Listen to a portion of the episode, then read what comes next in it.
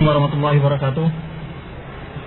Alhamdulillahirabbil alamin wassalatu wassalamu ala asyrafil anbiya'i wal mursalin wa ala alihi wa ashabi ajma'in. Amma ba'd.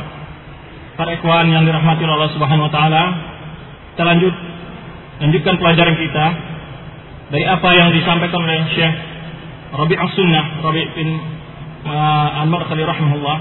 Ini bin Hadi Al-Marqali hafizahullah dalam ceramah beliau yang dibukukan ini di sini beliau akan menyebutkan pengalaman beliau ketika berdakwah ke negeri Afrika yaitu salah satunya Sudan. Tadi telah kita sebutkan ini lakin ya ta'tihim min bab qala Malik qala Sufyan Ats-Tsauri. Jadi bagaimana cara mendakwai para ahli-ahli bid'ah yang mereka tuh mengagumi para imam-imam ahli sunnah jamaah maka perkataan yang akan kita lontarkan di tengah-tengah ahli bid'ah tersebut adalah perkataan para ahli sunnah yang mereka hormati dan yang mereka hargai.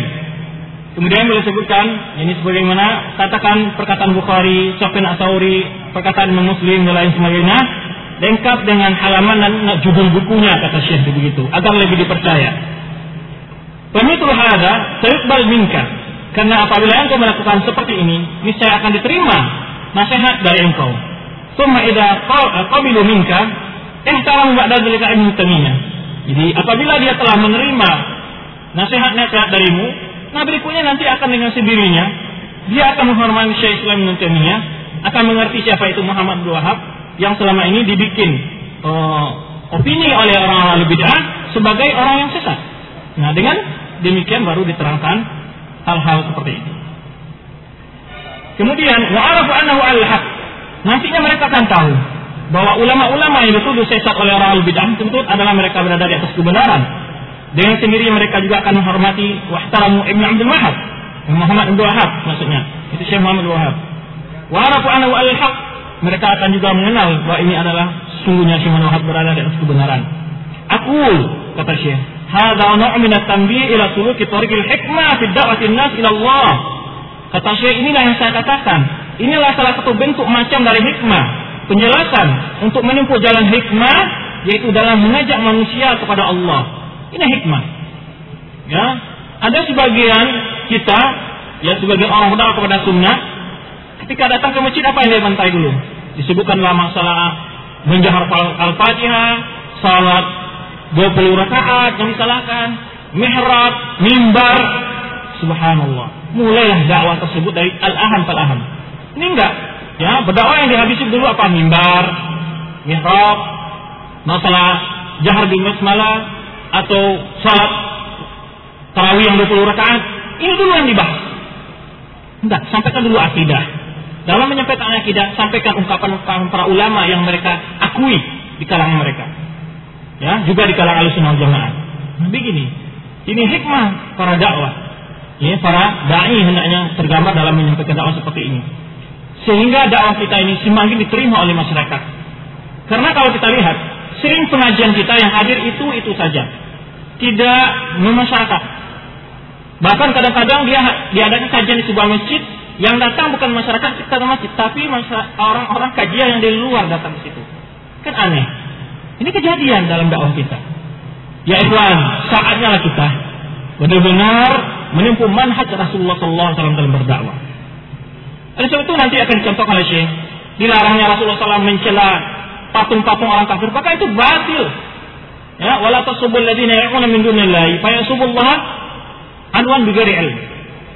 Dilarang Rasulullah SAW mencela patung. Bukankah hak mencela patung-patung itu? Hak ya kan? Benar. Bahkan syirik itu. Dilarang mencelanya, menghinanya. Kenapa? Karena mereka akan membalas. Nanti akan menghina Allah. Nah ini dosanya lebih besar. Inilah manfaat ini harus ditimbang oleh seorang lain. Ya ikhwan, saya katakan kembalilah ya dalam menyampaikan dakwah ini betul-betul kita itu memahami manhaj Rasulullah SAW dalam berdakwah. Kalau kita lihat lagi, ya Rasulullah SAW ini di antara manhaj juga dalam berdakwah itu tidak apa-apa diundur pengamalan sunnah ditunggu sampai waktu layak untuk dijelaskan tadi tatbik. Seperti Rasulullah SAW berkata pada Aisyah, "Laula ana qaumuka hadithuna ahdin bil jahiliyah la banitul ka'bata ala qa'idatil Ibrahim. Wa la ja'altuha laha la waja'altu laha babaini. Babun yadkhulu minhu an-nas wa babun yakhruju minhu. Kata Rasulullah kepada Aisyah, kalau bukanlah karena kaum engkau baru saja keluar dari jahiliyah, sungguhnya aku akan membangun kembali Ka'bah ini menurut apa? Pondasi Nabi Ibrahim, yaitu memiliki dua pintu. Satu pintu tempat masuk, pintu tempat keluar. Tapi Rasulullah SAW tidak mengambil keutamaan demi melihat keutamaan yang lebih besar. Walaupun bangun Ka'bah menurut Nabi Ibrahim itu adalah utama, sunnah ya. Tapi akan terjadi fitnah yang lebih besar. Demi maslahat dakwah, Rasulullah SAW tidak melaksanakan hal itu. Ini manhajud dakwah. Ya, banyak yang menjadi repot di dalam dakwah ini merepotkan adalah ketika yang berdakwah itu orang-orang yang berilmu setengah-tengah matang. Ini membawa fitnah ke tengah dakwah ini. Belajar 4 tahun, 3 tahun yang membawa fitnah. Karena dia baca satu buku, dua buku. Ya, ilmu belum matang. Maka ibarat saya contohkan sering saya ibarat makanan yang tidak matang. Ya, imma membuat orang muntah atau diare. Maka ilmu yang tidak matang disampaikan kepada masyarakat membuat masyarakat diare. Diare keyakinan. Diare pemahaman. Musibah. Syekh bin Baz, ulama di Saudi, masyarakatnya sudah melakukan yang sunnah. Dan dia sangat dihargai oleh masyarakat dia. Tidak pernah mengatakan mimbar-mimbar tidak usah dibangun. Atau mihrab-mihrab jangan di seperti itu. Tapi di antara hikmah beliau lakukan. Ada di antara kita yang lebih berilmu dari Syekh bin. Tapi lihat hikmah beliau dan berdakwah. Karena hal ini tidak fatal. Dia menyentuh kepada manusia kepada hal yang sangat berbahaya. Lihat dibanding dengan perbuatan syirik dan bid'ah-bid'ah yang sangat berbahaya. Itu rentetan yang harus dipahami oleh da'i. Maratibul awamir wa maratib nawahi mesti dipahami oleh para da'i. Kalau tidak dia akan menyuruh kepada hal yang lebih kecil meninggalkan hal yang lebih penting. Maka sebab itu seorang dai tidak hanya sekedar memiliki ilmu, tapi bagaimana menerapkan ilmu ini kepada masyarakat. Harus mengerti. Ya, kalau tidak membuat dakwah ini menjadi kocar kacir, menjadi fitnah di tengah masyarakat. Oleh sebab itu kata Syekh di sini, wa minha alla tasubba jama'atahum jadi di antaranya adalah jalan hikmah juga jangan mencela kelompok-kelompok mereka. Ya, tasrih umumnya. Kelompok pulani kafir, kelompok pulan muqtadi, si pulan muqtadi, si pulan kafir. Memang ada hal boleh tasrih dengan nama al bidah dengan kondisi-kondisi tertentu. Sekarang enggak dibabat habis semua tanpa ada kaidah, tanpa ada rambu-rambu. Ya, di antara nasihat ini jangan kalian suka mencaci terlebih dahulu jamaah-jamaah mereka. Ini enggak, oh sesat, kafir, dolal. Berikan dulu ilmu. Ya. Wala ini di antara syawahid yang telah disebut oleh Syekh ini itu ayat yang kita bacakan tadi yaitu teguran Allah. Wala tasubul ladina ya'una min dunillahi fa yasubullah adwan bighairi ilm. Janganlah kalian mencela ya sembah-sembahan orang yang disembah orang musyrik selain Allah ya sembah-sembahan selain Allah itu. Kenapa? Nanti mereka juga apa ya Allah. Maka mereka pun mencaci Allah karena permusuhan tanpa eh. Jadi mereka kadang-kadang membenci aimah-aimah sunnah karena mereka tidak tahu eh. Berikan dulu ilmu, sampaikan dulu sunnah. Itu wa idza jaa al-haqqu wa batil. Innal batila kana zahuqa. Sampaikan dulu kebenaran. Dengan datangnya cahaya, cahaya baru dari situ mereka baru melihat dengan cahaya ini. Tahu ini salah, ini lubang, ini ini god, nggak mau jalan ke sana dia. Berikan dulu cahaya, ilmu sampaikan dulu. Karena banyak masyarakat dan kondisi masyarakat kita adalah kekurangan ilmu dengan tauhid dan sunnah. Ini yang menyebabkan mereka tergelincir dalam pemahaman akidah dan manhaj. Sampaikan dulu ilmu. Tatkala mereka mengilmu, nah diri dengan ilmu mereka sendiri mereka akan menilai ini salah dan ini benar. Kemudian, ana akul, aku katakan kata Syekh, lama itu ila Sudan. Ini pengalaman saya tentang ke Sudan dan ini juga diceritakan oleh Syekhuna Syekh Ali Nasir Al-Faqihi waktu kita di rumah beliau. Beliau ceritakan sendiri bagaimana hikmah berdakwah kepada Allah. Ini karena pada masa ini Syekh Rabi dengan Syekh Ali Nasir Al-Faqihi adalah sejoli yang dari dari awal menuntut selalu berdua. Teman akrab. Itu dikatakan oleh oleh Syekh Ali Nasir kepada anak sendiri di rumah beliau. Teman akrab Ali Syekh Ali Nasir yang mengarang juga kitab-kitab e, banyak tahqiq, kitab tauhid, Ibnu Manda, Kitabul Iman Ibnu Manda dan banyak. Tapi aduh, Musyawarat Allah Jami'al Ibnu Manda beliau juga mentahqiq. Syekh Ali Nasir ini. Ini mirip dengan cerita yang disebutkan oleh Syekh karena kejadiannya sama. Syekh Ali Nasir mengatakan bahwa pertama Gauro di Afrika kata Syekh Ali Nasir kepada saya, kepada anak, itu dimakar sufi. Bukan sufi-sufi lagi, betul-betul denebak sufi. Di pondok mereka diadakan Gauro. Katanya yang Syekh itu habis salat keluar. Tapi dia ngasih izin kita untuk menyampaikan sunnah di sana. Tapi dia sendiri nggak mau hadir dalam nggak masalah. Kita kasih hadiah dia. Murid-muridnya dibolehkan oleh dia hadir. Tapi sebagai manhaj ikhwan kita sekarang ini ketika kita memberi muhadarah di tengah-tengah masjid yang situ ada bid'ah segala macam, wah itu dahulu, oh nggak salah itu dia tahu dengan al bid'ah langsung ditahwir. Inilah bentuk kegoblokan mereka dalam manhaj. Terjadi di kita banyak sekali seperti itu. Ketika berdakwah di sana, oh, itu sudah, oh, umpamanya dia mengajar di pondok salah seorang al bid'ah gitu ya. Oh itu ditahwir, kenapa sih pulang ngajar di situ? Itu kan baik, mengajar di sana justru bukan dia mengajarkan bid'ah, menyatakan sunnah dan akidah yang benar. Kalau bukan siapa yang menjadi ahlu sunnah sekarang kalau bukan ahlu bid'ah sebelumnya? Apakah dakwah itu kepada ahlu sunnah saja nggak ada menyeru orang ahlu bid'ah? Tidak. Dakwah itu harus kepada ahlu bid'ah semua. Rasulullah SAW di tengah kaum musyrikin.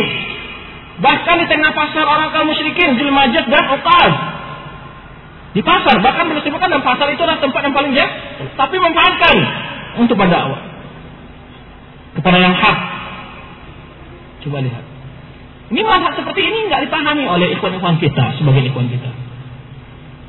Sehingga langsung main tahzir saja. Kenapa si pulang ngasih kajian di sana? Si pulang ngasih pelajaran di sana, di tahzir. Nah, ini bentuk pemahaman yang keliru tentang manhaj dalam berdakwah. Ini saya menyatakan pengalaman. Itu saya Nasir ceritakan sendiri bahwa pertama dakwah salafi itu daurah Islamiyah, jamiah Islamiyah didirikan di Afrika itu di makar pusatnya sufi. Coba bayangkan. Kalau menurut pemahaman sebagian pemuda-pemuda sunnah sekarang itu apa dipahami? Oh sudah tahu dengan ahli bidah. Gak bisa ditahzir itu. Mereka tidak memahami nama yang ta'awun, dengan muwala, dengan biru ihsan, dengan hal-hal yang lain. Lalu saling memponis tanpa memahami kaidah-kaidah. Ini yang sebetulnya banyak hal-hal yang ingin kita sampaikan karena kata batas waktu kita ingin menamatkan buku yang di ya, yang dikumpulkan dari ceramah saya ini. Tak kala saya pergi ke Sudan kata saya, saya turun di nama tempat Bur Sudan namanya. Lalu para sahabat-sahabat asal Rasulullah menerima saya kata saya. Jadi uh, lalu sahabat ini berkata, "Wa ya Syekh, nalfitu nazaraka ila syai'in. Tafaddalu kata sahabat ini ya Syekh, nanti kami ada punya usulan kepadamu. Silakan kata Syekh. Kalau takalla bima syi'ta. Kata pemuda-pemuda al-sunnah yang akil ini ya, yang punya akal itu katanya. Syekh, kamu boleh bicara tentang apa saja, tetapi apa? Kul qala Allah qala Rasul. Jadi Was'an fi syi'ta min al-bid'ah Sebutkan kesesatan-kesesatan semuanya, enggak apa-apa, enggak masalah ya seperti berdoa kepada selain Allah, menyembelih kepada selain Allah, menaruh kepada selain Allah, beristighfar kepada selain Allah, lakin la takul. Tetapi syekh ingat jangan sampai aku mengatakan taifah fulaniyah. Jangan menyebut kelompok tertentu. Ini adalah hal yang layak disampaikan oleh pemuda Al-Sunnah Jemaah. Coba lihat Syekh Syekh Rabi dimasukkan oleh pemuda Ansar Sunnah ini diterima oleh Syekh.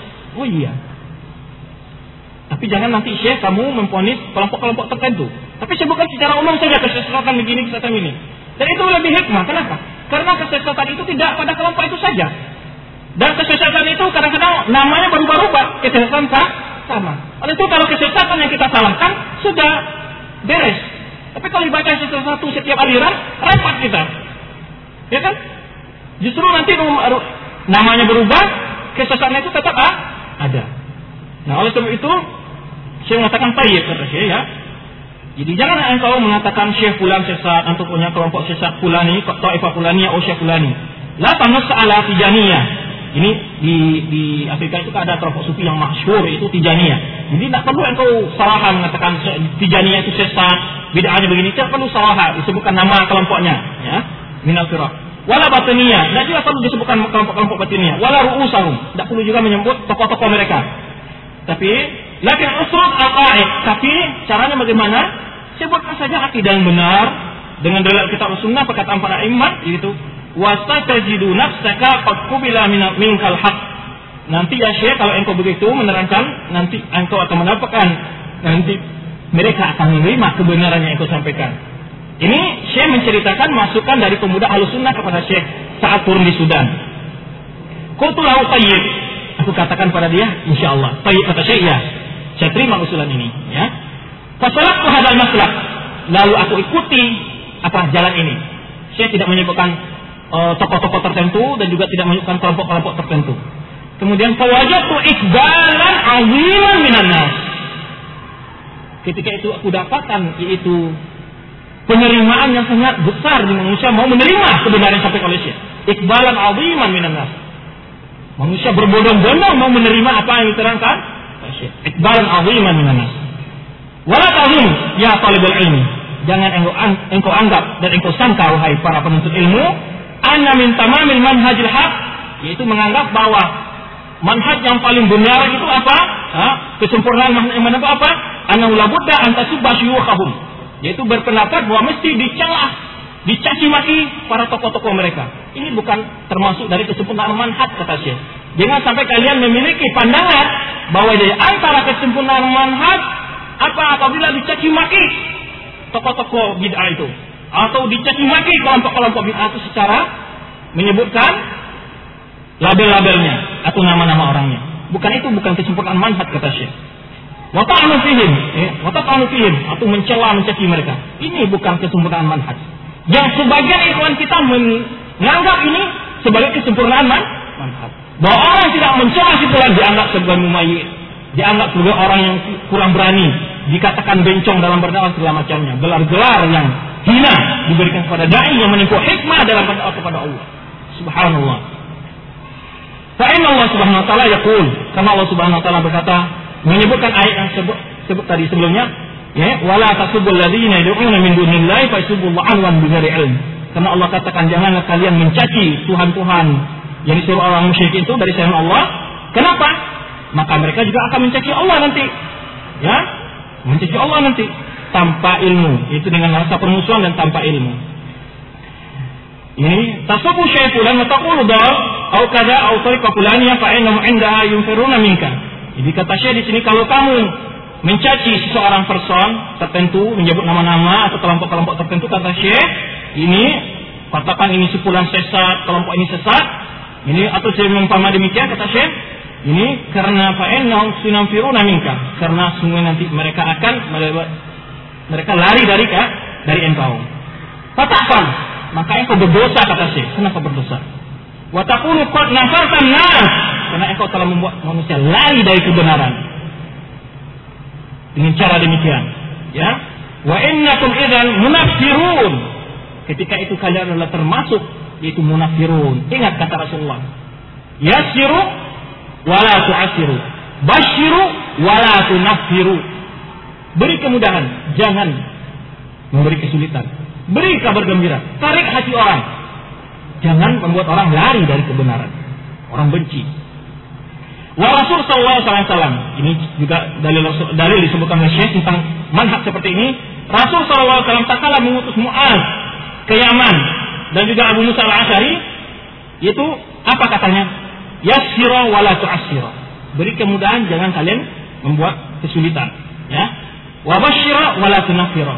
Dan berilah kabar gembira dan jangan kalian membuat orang lah dari. Nasihat Rasulullah kepada dua orang sahabat yang diutus oleh Rasulullah SAW yaitu Mu'ad bin Jabal dan Abu Musa al-Asy'ari. Fahai tariqa allati fiha taisir ini jalan cara yang ini ada kemudahan di dalamnya. Wa fiha tafsir yang ada kabar gembira membuat orang senang itu. Wa ma fiha tanfir wa wallahi. Dan apa yang terdapat dalamnya di sini tanfir ma dakal masjidan illa awas halala fi wujuhim. Di kata Rasulullah SAW, eh, kata, kata Syekh di sini menyebutkan tak kala Syekh memakai manhaj ini yaitu yasiru mudah dan basyiru memberi gambaran uh, ya apa? Uh, membuat orang senang, memberi kabar gembira. Wa ma fiha tanfir. Maksudnya tidak terdapat dalamnya sifat orang dari kebenaran. Kata Syekh, wallahi kata Syekh di sini, tidak satu masjid pun aku masuki kecuali aku lihat di wajah-wajah para jamaahnya yaitu bercahaya menerimaku. Jadi tahallala fi wujuhihim. Senang, rasa senang muncul dari wajah-wajah jamaah. Setiap masjid yang dimasuki oleh oleh Syekh. Wala khurud. Kata Syekh, saya tidak bisa keluar malah di masjid itu min kasatin muqabbilina ala alayya yusafihunani. Begitu banyaknya orang ingin bersalam dengan dengan Syekh.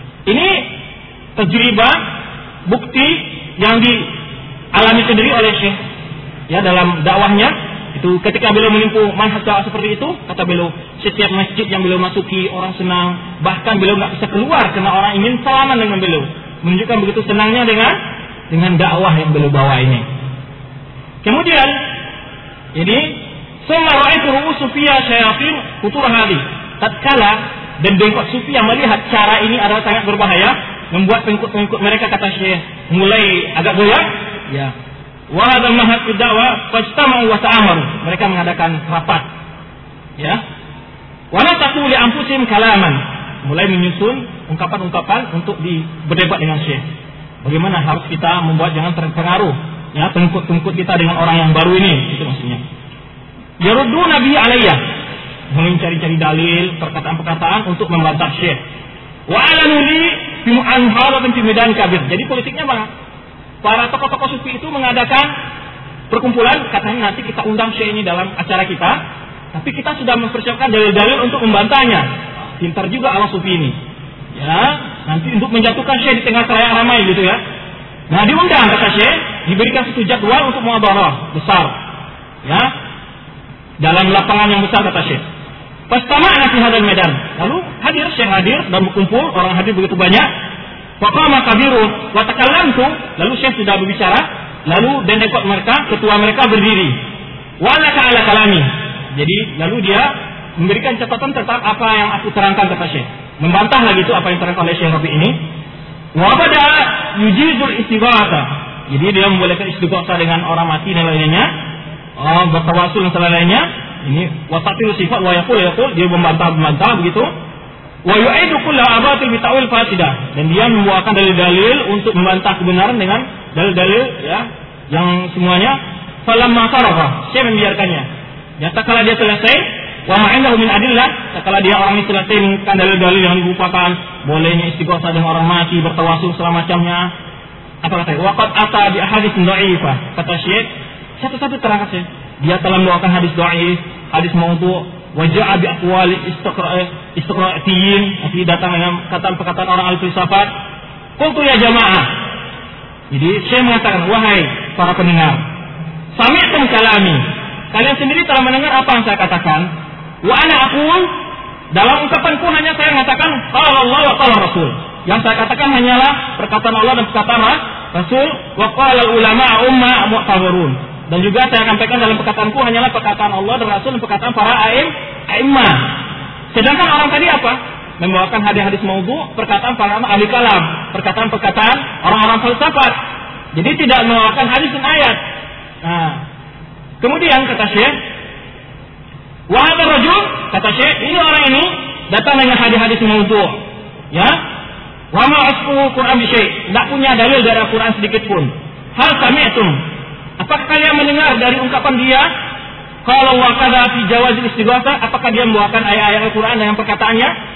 Komentarnya gitu. Kemudian api ijazah tawassul, adakah dia dalam apa-apa yang dikatakan itu dari dalil Al-Qur'an gitu Syekh?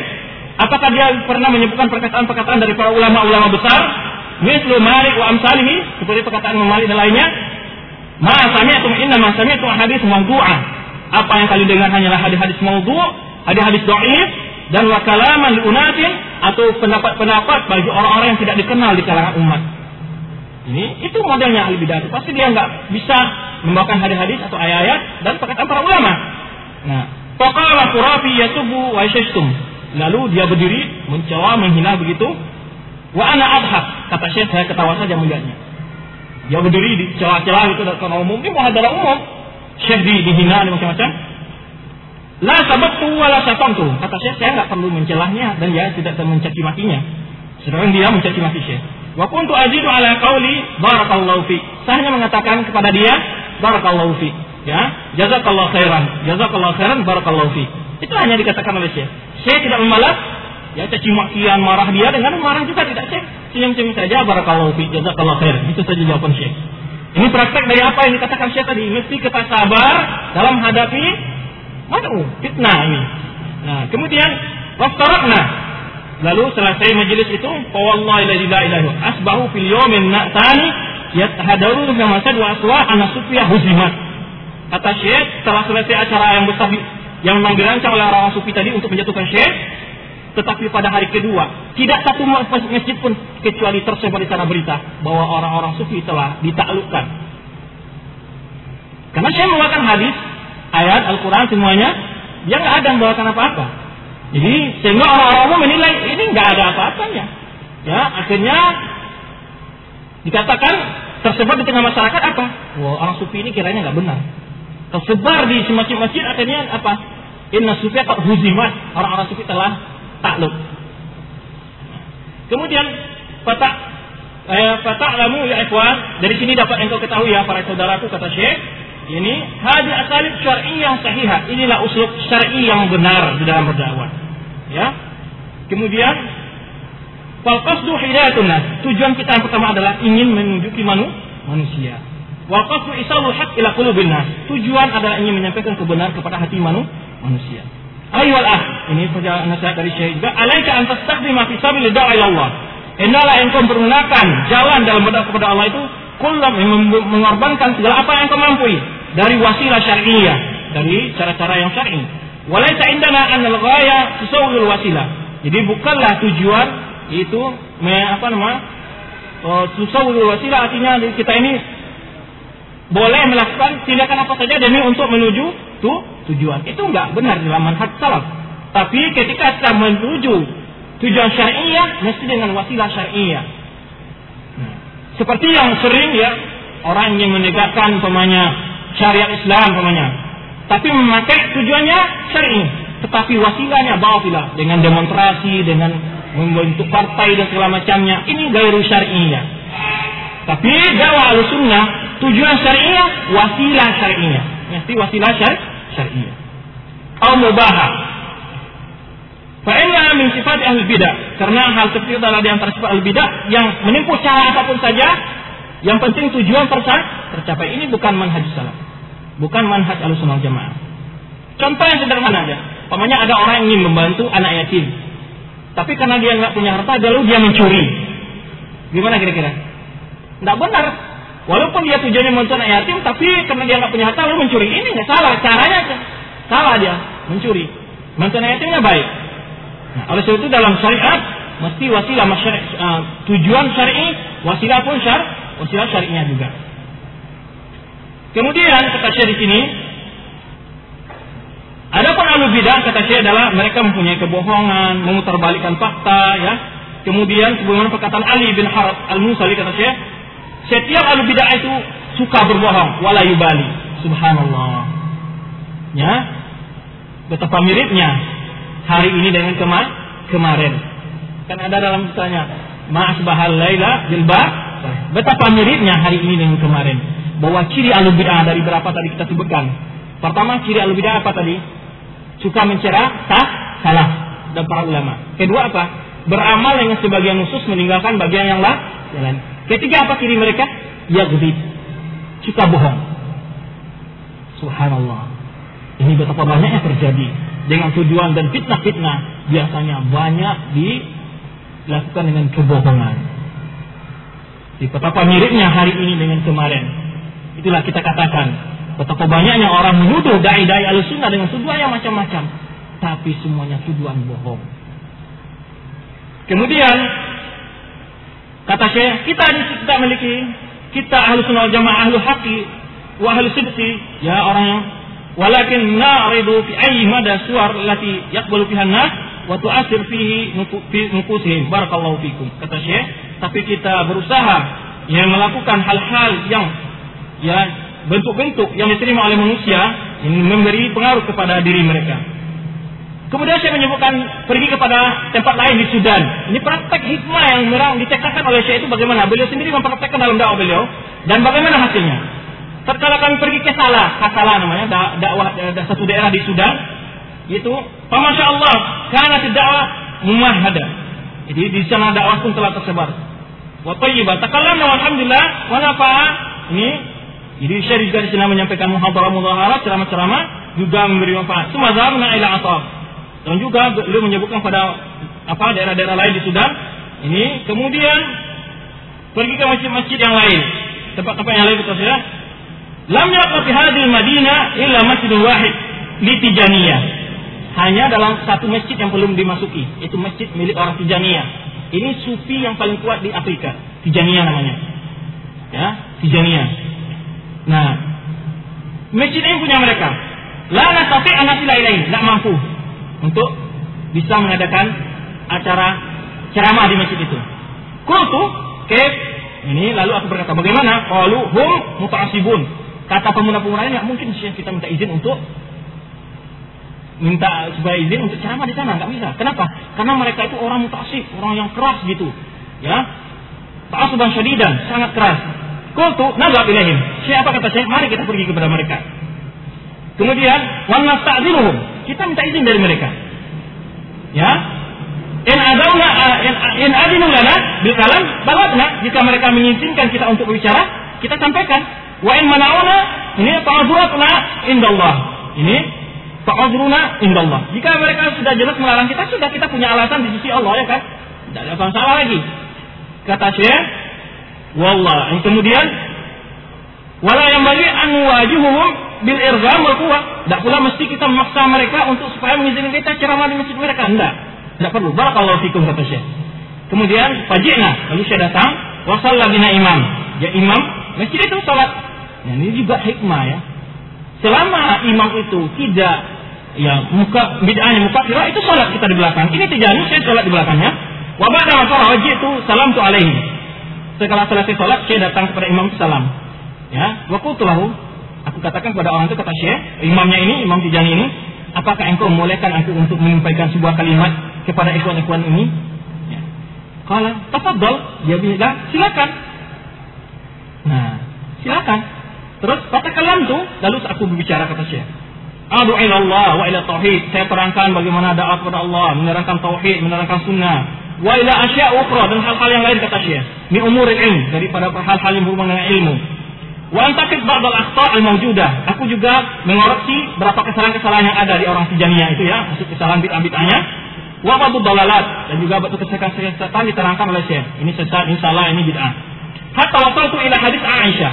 Sampai aku pada perkataan Aisyah, itu salah man takallama biwahidatin minha, itu hadis yang menerangkan kata Syekh berdalil menyebutkan hadis Aisyah, tiga hal apabila kata hadis Aisyah ini, tiga hal apabila orang menceritakan kepada engkau maka Allah ikriya, maka dia telah berbohong atas nama Allah. Pertama, karena orang Tijani kan mengatakan Nabi Muhammad itu mengetahui hal yang gaib.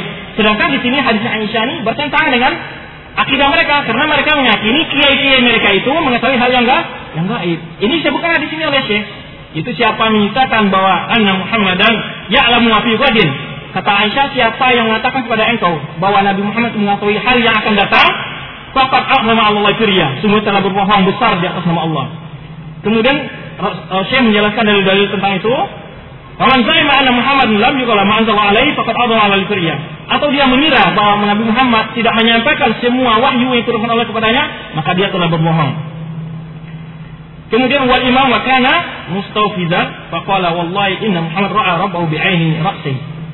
Kemudian imamnya tadi nyeletuk.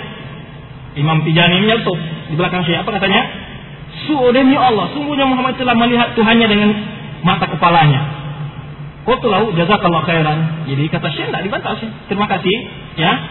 Amma Aisyah huwa alamun nas Kata siapa jawab Syekh? Tapi Aisyah kan orang yang lebih tahu tentang suaminya, eh tentang Rasulullah ya kan? Jadi kalau engkau mengatakan Rasulullah amarah, engkau mengatakan karena dalam antara hadis Aisyah ini juga, kalau saya ma'ana Muhammad ra'a rabbahu faqad azama 'ala Allah. Siapa mengira bahwa Muhammad SAW melihat Rabbnya, semua telah berbohong di atas nama Allah. Maka ini tidak diterima oleh orang sufi tadi, orang tijani ini. Oh enggak, Muhammad itu melihat dengan dua kepala, melihat Allah gitu. Nah, tapi jawab Syekh, tidak kalau saya. Tapi Aisyah kan orang yang lebih tahu tentang tentang hal itu dari Rasulullah. Itu jawab Syekh begitu aja. Jadi orang yang punya akal sudah paham. Pasti Aisyah lebih tahu daripada Syekh ini ya kan? ya jelas sahabat. Kemudian Fakat qalat ini bukankah Aisyah telah berkata wa man anna Muhammad ra'a rabbuhu faqad Allah sirriya. Kata Syekh membantah orang tadi, tapi Aisyah mengatakan siapa yang menyangka Muhammad telah melihat rohnya dengan mata kepalanya, sungguh telah berbohong besar atas nama Allah. Kemudian walau kana Rasulullah ra'a rabbahu la akhbaraha. Kata Syekh kalau seandainya Rasulullah SAW melihat rohnya tentu dia akan menceritakan kepada Aisyah. Lakin ma akhbaraha. Tapi Aisyah uh, Rasulullah tidak pernah menceritakan kepada Aisyah. Ini jawaban saya kepada kepada guru sufi yang membantah tadi bahwa Nabi Muhammad melihat rohnya. Fapada bin luja bin lajada wasual. Kemudian terjadi perdebatan. Qultu lahu ya akhi, kata Syekh ini, ya saudaraku, antazir hatta anha kalami, uh, unhi kalam kalimati. Ya sabar dulu, biar saya selesaikan pembicaraan saya nanti baru kamu berbicara bicara. Saya tidak marah-marah, ya sabar dulu kamu, nanti saya ceritakan pembicaraan saya, baru nanti kita bicara. Kemudian, bahwa dzalika as'al masyi'ta. Jadi nanti kalau saya sudah selesai, tanyakan apa yang mau engkau tanyakan kepada saya kata Syekh. Ya. Kemudian memang di antara sistem al bidah itu. Dia memotong kesempatan kita untuk beneran kebenaran. Itu harus paham juga. Ya. Kadang-kadang dia bertanya banyak agar kita tidak sempat menyampaikan kebenaran. Nah, itu saya mengatakan sabar dulu. Nanti kalau sudah selesai, kamu tanya apa maunya. Falladhi a'rifu ujibuku biha. Nanti kalau saya tahu jawaban yang aku tanya, saya akan jawab. Ini wala adri hal baqiya au zahaba. Kemudian saya melihat dia nggak ada lagi, ke mana dia pergi. Jadi ma'tafatu ilai ya summa sami'tu rajulun yaqul Kemudian ada orang yang terdengar oleh saya nyeletuk apa katanya? Wallahi kalam alladhi biyaqulu zul duha. Apa maksudnya itu? Itu bahasa Sudan. Ini waqul alladhi yaqulu zul zul itu kalau orang Sudan bikin, bikin orang lain itu zul namanya. Ya zul. Kalau kita tuh ya si Fulan si Anu gitu ya. Jadi apa yang dikatakan oleh si Fulan yang sedang bicara itu benar. Inilah yang benar, bukan apa yang dikatakan oleh syekhnya. Dia sendiri orang awam sendiri mengatakan begitu. Jadi yaitu semua sami itu maratan ukhra ibarah nafha. Ada juga orang lain mengatakan begitu. Apa yang dikatakan itu benar. Apa yang dikatakan oleh syekh tadi sah? salah. Ini masyarakat mendukung apa yang dikatakan oleh syekh karena menerangkan dengan dalil-dalil. Kemudian wajada farrajul yaqul Nah, ada lagi yang membantah, itu kan diterangkan perkataan Allah, perkataan Rasul. Barakallahu fikum. Hatta adina li salat isya sampai salat isya. Arti kalimat ini sampai setelah salat maghrib. Kemudian wantat kalimat wa qimatus salat. Jadi sudah dirikan salat, sudah kamat, cari imamnya nggak ada. Imam yang mizin yang berdebat dengan Syekh tadi. Kemudian ada bihim yadfa'una li usalli bihim. Ya. Ketika semua jemaah menyuruh Syekh salat, imamnya nggak boleh salat mereka kan, disuruh Syekh salat. Nah, Fakultu abadan la usali bikum. Kata Syekh, enggak, saya enggak mau jadi imam. Yusalli imam. Silakan imam tadi salat. Kalau wallahi la tusalli. Jamaah tetap masa Syekh, ya, tetap masa Syekh. Saya enggak mau. Eh, imam tadi yang salat kata Syekh, enggak mau. Qultu tayyib. Lalu akhirnya juga saya jadi imam. Wa salaitu bihim. Wa ba'da ma faragtu intazartu thumma qaratu ana wa syabab. Jadi setelah selesai salat saya juga menunggu-nunggu. Kalau dia bertanya selesai ya, selesai salat gitu. Namun dia tidak datang, kemudian saya keluar. Ya, Kemudian aku tanya, "Aina zahabal imam?" Bertanya kepada para orang-orang yang sekitar saya, jamaah, ya kepada pemuda yang asal sunnah waktu itu, ke mana sih tadi? Orang yang bertanya tadi, "Aina zahabal imam?" Ke mana imam tadi? Kau taraduhu. Apa hasilnya? Jamaahnya mengusir dia sendiri. Imam tadi diusir oleh jamaah, taraduhu. Coba lihat, menyampaikan dalam yang hikmah membuat masyarakat menerima. Karena kalau Allah kalau Rasul, kalau ilmu. Jadi kalau ada orang membantah dia nggak senang ini perkataannya bertele-tele aja ya kan nggak ada dalilnya ada apanya. Masyarakat sendiri yang menilai ya. Diusir imamnya sendiri oleh mereka. Ini sesat, nggak perlu jadi imam kita. dulu diusir imam tadi. Nah, kalau ini mereka menjawab tuh, man dahulu Siapa yang mengusir? Kalau wallahi jamaatuhu. Jamaahnya sendiri yang mengusir dia. Itu buktinya berdakwah dengan hikmah coba lihat cepat diterima oleh masyarakat Kemudian hal asala ya ikhwah. Inilah hal yang telah terjadi ya ikhwah. Ini manhaj praktek langsung oleh Syekh dan beliau menyampaikan pengalaman pribadi beliau kepada kita agar kita mengambil ibrah dan pelajaran dari apa yang dialami oleh Syekh ini dalam menyampaikan dakwah yang sahih. Karena sebelum saya menegur kita tadi dengan cara yang kasar, cara bengis, ya, cara ganas, itu bukan cara hak. Kata saya bukan hanya urusan akurat akhirat. Oh urusan duniawi saja dengan cara begitu nggak bisa laku. Apalagi urusan ukhrawi akhirat. Kemudian Kemudian saya menyebutkan, kalau seandainya seseorang datang, Yusafi Tijani, mengatakan orang Tijani itu orang-orang bodoh-bodoh. Allah yazbahunahu, mungkin saja akan disembelih. Kata Syekh kalau dia pertama cari ceramah itu kalau orang baru masuk ke sana lalu mengatakan oh Tijani itu orang sufi, sosok jelas, syafi, bodoh, bego, semacam itu ya. Mungkin spontanitas akan disem, sembelih. Gitu kata Syekh. Tapi dengan cara masuk secara hikmah kata Syekh gitu. La ayataduhat. Jadi tidak hanya cukup diusir tapi mungkin akan disembelih kata Syekh. Ya, lakin idza ataitahum bil hikmah, tapi tak kala engkau datang dengan kepada mereka dengan cara hikmah, waluk dengan cara lembut, Barakallahu fika. Allah memberikan keberkahan keberkahan kepada engkau. Nafa Allah bihada. Allah memberi manfaat dengan sistem seperti ini kata Syekh. Kemudian ini fastakhdimu ya ikhwah, wahai para saudaraku, lakukanlah al-ilmu nafi'. Pergunakanlah ilmu yang manfaat, hujah yang jelas, ya, hikmah yang bermanfaat dalam dakwah kalian semua. Jangan nasihat saya ini, wahai saudaraku, pergunakanlah ilmu manfaat, kemudian hujah yang kuat, dan hikmah yang bermanfaat di dalam dakwah kalian. Wa alaikum dan aku pesan kepada kalian bikuli akhlak jamilah hendaklah memiliki akhlak-akhlak yang indah ya. An-nabila yang bagus. Alati hatta alaih kitab yang disuruh oleh Al-Quran. Wa alaih Rasulullah SAW yang disuruh oleh Rasulullah SAW fa innaha awamil nasrin wa amalun najah karena sungguhnya akhlak yang mulia itu adalah adalah di antara hal-hal menyebabkan kita berhasil merupakan kita menang. Kemudian wasaddaku, percayalah, anna sahabat mana Islam, percayalah kalian. Sahabat tidak mampu menyebarkan Islam ini, wadakhala fil dan mampu diterima oleh manusia illa bi hikmatihim, kecuali dengan cara hik hikmah. Wa ilmihim dengan cara ilmu. Aksir mimma ya, aksar mimma amil suyuf. Jadi kata saya di sini, sahabat menyebarkan Islam dengan cara hikmah jauh lebih banyak daripada dengan cara senjata dengan perang. Lakin mayadukul fil Islam tanpa sayf qad la yasbut. Karena kalau orang masuk dengan Islam dengan cara fakta senjata kata Syekh, boleh saja dia tidak istiqomah dalam Islamnya. Walladhi yadkhul Islam yadkhul an ilmi wal hujjah wal burhan. Orang yang masuk Islam dengan cara ilmu, dengan karena hujjah, dengan dalil-dalil yang kuat, hadzal ladzi yasbut imanu. Semuanya dia imannya akan kokoh, tetap dalam Islam dia.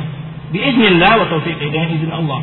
Fa'alaikum bihadhihi tariqah turun ke Taibah, maka hendaklah kalian melakukan hal-hal jalan yang baik ini. Wa alaikum bijiddi fil ilmi. Aku nasihatkan kepada kalian untuk sungguh-sungguh dalam menuntut ilmu. Ini sedikit mulahazah kepada ikhwan kita adalah masalah ilmu. Ya, kalau hadir majlis terlambat. Kadang-kadang hadir majlis kenapa? Karena bawa dagangan. Ini fitnah juga sebagian majlis ilmu. Ya, hadir majlis terlambat. Lalu terdengar separuh-separuh. Nah, nanti yang separuh ini disebarkan oleh dia. Rupanya dia nggak paham maksudnya jadi fitnah dalam dakwah. Ya, terdengar sepotong kalimat, lalu ini yang disebarkan. Nah ini bahaya. Ini yang menyebabkan fitnah dalam dakwah ini.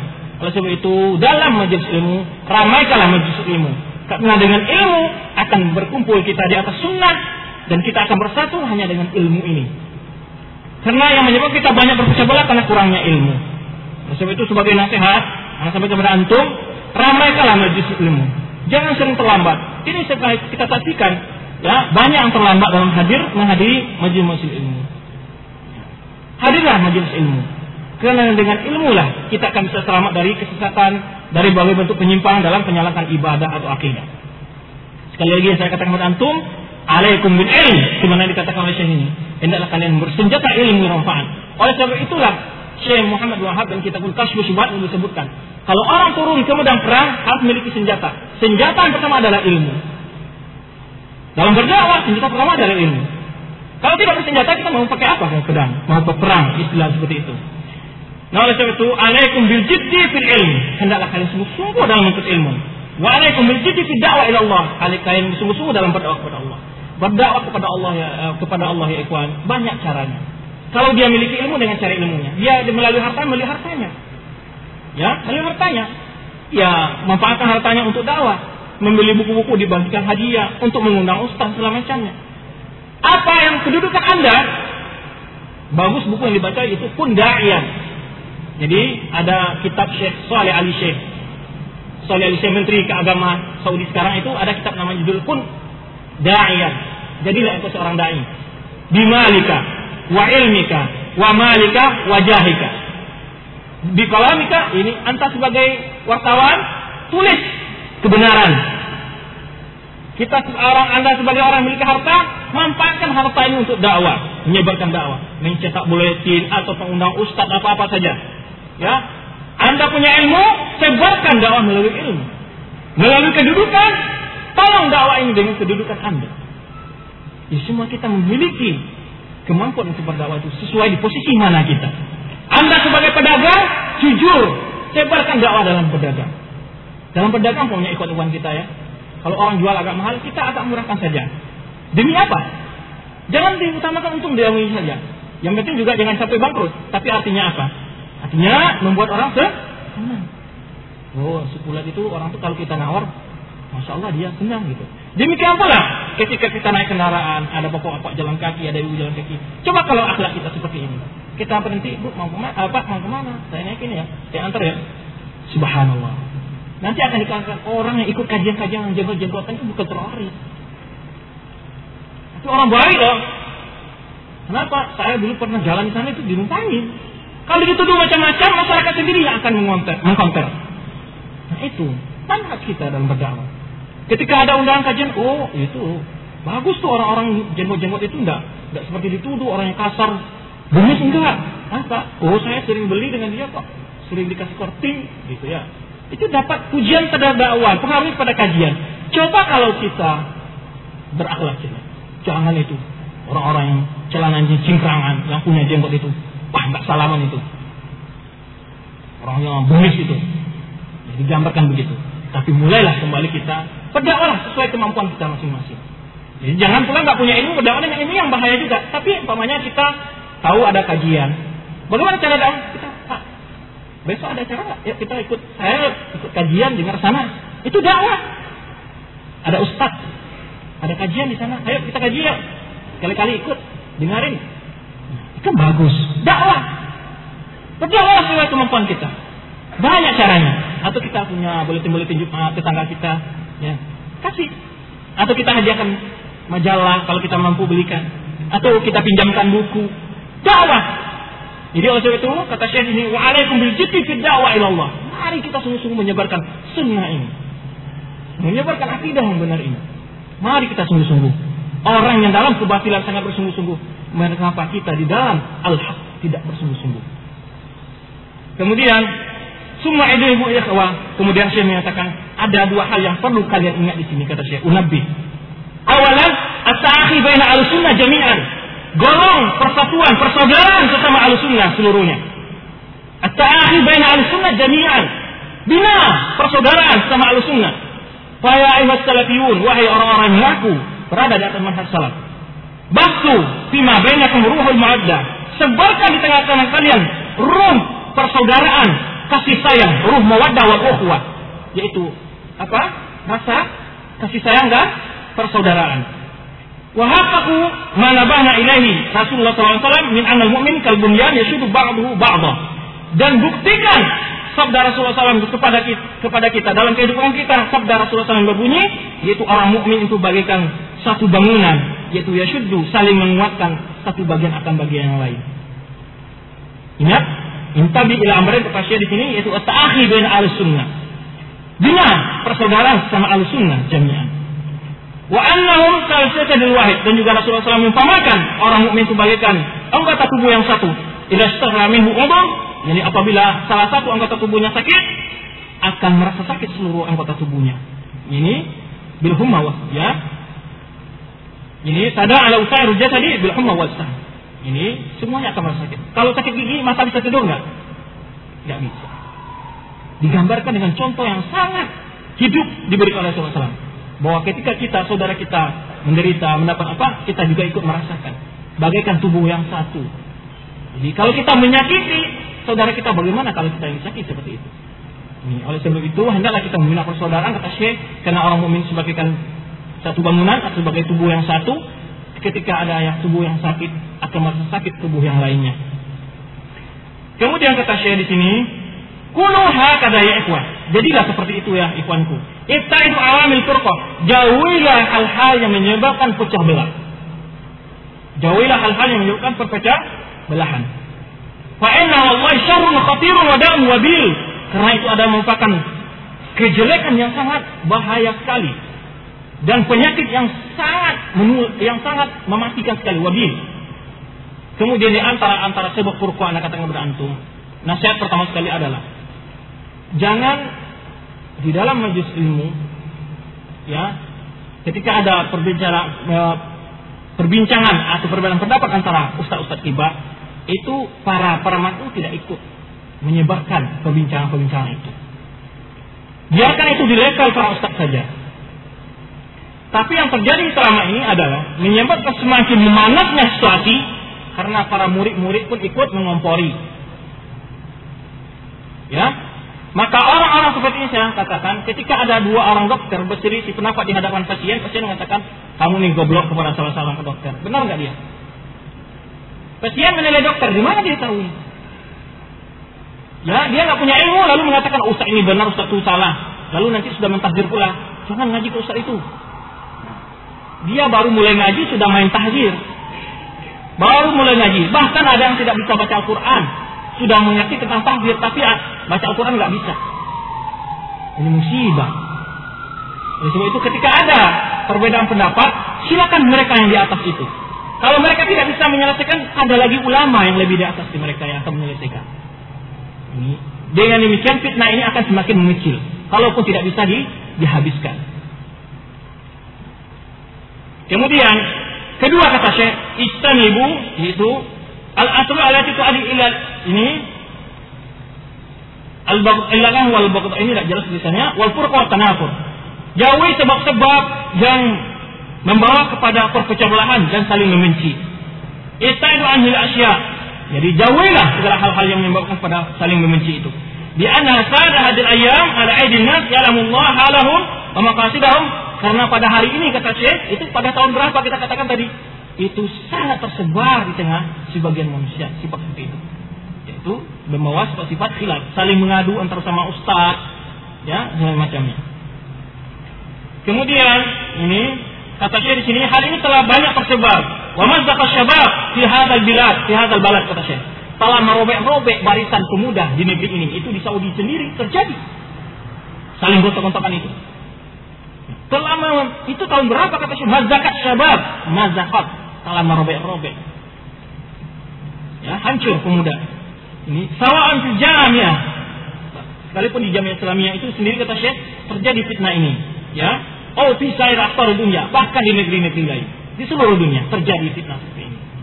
Yaitu fitnah itu saling kontok-kontokan sama al-sunnah jamaah. Kita jauhilah segala sebab-sebab khilaf ya yang akan membawa kita kepada perpecah belahan. Kemudian saya menyebutkan lima li'annu nazala fa'at da'wa ilmu man laisa min ahliha la ilmu la Kenapa terjadi ini di antara saya sebut oleh saya di sini adalah karena terjun ke dalam lapangan dakwah orang yang tidak ahli dakwah. Baik dari segi ilmu atau pemahaman. Makanya saya katakan, sering saya contohkan dalam majelis, itu ngaji-ngaji tanggung. Kalau istilahnya di sana pepatahnya begini, tanggung-tanggung kacau ciri kambingan. Itu kalau di Payakumbuh ada bikin kelamai kalau kurang kacau nggak mantap kacaunya itu bulat-bulat nggak jadi kelamai dia. Kalau sini dodol ya. Tanggung tukang nggak benar-benar tukang itu rusak kayu. Arti menghancurkan kayu membuang-buang kayu. Ya. Tanggung-tanggung belajar rusak kaji. Itu istilahnya kami di sana. Katanya kalau tanggung-tanggung belajar rusak agama. Nah ini yang menyebabkan. Orang yang setengah-setengah dalam untuk ilmu Orang setengah-setengah dalam memahami manhaj menyebabkan fitnah dalam dakwah ini. Jadi ilmunya belum sampai, pemahaman belum sampai sudah memberi fatwa seenaknya. Subhanallah kalau kita akan ungkap ya subhanallah untuk mengerikan hal ini ketika terjun orang-orang tidak paham tentang manhaj dakwah paham sedikit lalu sudah berfatwa jadi kata Syekh sebabnya hal ini terjadi adalah ketika terjun dalam satu dakwah ilallah malaita min ahliha karena yang melakukan dakwah ini tidak ahli. Baik dari segi ilmu dan segi pemahaman kata Syekh. La ilman wala fahman. Ini kata Syekh. Waqad yajuzu an yakuna a'da dasu fi awsat as-salafiyin min yumazziquhum wa yufarriquhum. Boleh jadi orang-orang yang menyusup ke dalam barisan salafiyin untuk memecah belah dakwah salafi. Wahakala amrun ghairu ba'id. Ini ada hal yang tidak bisa dijauh, di, dikesampingkan juga. Bal warid haqqan. Ini terjadi seperti itu kata Syekh. Barakallahu fikum kata Syekh. Kemudian fahrisu alal ukhwah. Alal ukhwah. Hendaklah kalian bersungguh-sungguh membina persaudaraan. Idza hasala bainakum syai'un minan nufra, apabila terjadi antara sama kalian suatu apa namanya cekcok, ada pertengkaran, perselisihan, fatanasul madhi. Ini lupakan hal yang berlalu. Wa akhriju safahatin bayda. Bukalah kembali lembaran putih yang baru. Ya. Jadidah yang baru. Al-an kata Syekh. Wa ana aqulu ikhwan. Ini kata Syekh saya nasihatkan kepada saudaraku. Alladhi yaksur ma yamri an yaskutuhu wa nuhlikuhu. Jadi alladhi yaksur maksudnya yuqassir, alladhi yang ada saudara-saudara kita dalam sunnah jamaah, yuqassir itu maksudnya punya kesalahan-kesalahan. Ma yamri an yaskutuhu. Tidak boleh kita buang, kita lempar langsung ditakzir, langsung dihina, langsung dimaki, langsung dicaci. Tidak begitu. Ya, Maya wala nuhlikuhu dan juga tidak kita bina, binasakan. Ini kebanyakan kita enggak. Ikhwannya tersalah lalu dibinasakan betul. Ya, minim-minim sudah retak, sudah pecahkan sekali.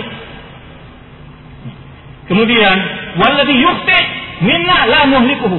Ada yang tersalah di antara kita, kita tidak boleh langsung ya, ini nuhliku, menghancurkannya maksudnya dengan bersikap keras kepada dia. Barakallahu fikum. Ini kata Syekh. Walakin nu'aliju bilut. Tapi kita perbaiki dengan bah, baik. Bilut. Nu'aliju bilut. Kita nasihati dengan cara baik. Kita perbaiki. Wal hikmah. Dengan penuh hikmah. Wa nuwajihu lahu al-mahabba wal mad. Wa nuwajihu lahu al-mahabba wal hadda. Dalam menyampaikan nasihat kita berikan kepada rasa cinta dan kasih sayang wasair akhlak salihah dan akhlak-akhlak yang lainnya.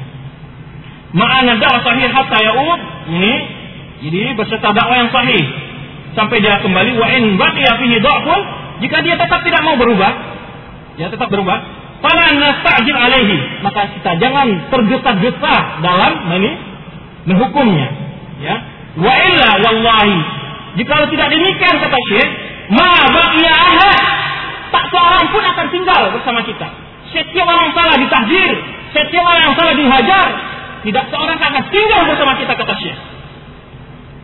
Ini kata Syekh, jika tidak kita ketika ada ikhwan-ikhwan kita di ahlu sunnah jamaah atau salah, langsung dihabisi, disikat. Tidak diperbaiki dengan cara baik kata Syekh, tidak demikian halnya, tidak dinasihati, kata Syekh. Tak seorang pun di antara kita yang selamat dari kesalahan. Tidak ada yang tidak. Tidak ada yang kita yang sempurna ilmunya, pemahamannya, tidak ada. Pasti memiliki kesalahan kalimat. Nah kalau setiap yang salah kita langsung habisi sikat, ya, ma baqiya. Tidak ada seorang pun yang akan tinggal. Inilah manhaj yang telah merobek-robek dakwah salafi. Bahkan orang yang memakai manhaj seperti itu pun saling merobek bersama mereka. Sesama mereka pun saling makan. Akibat apa? Salah dalam memahami manhaj. Setiap yang salah disikat. Setiap yang salah disikat. Tidak begitu.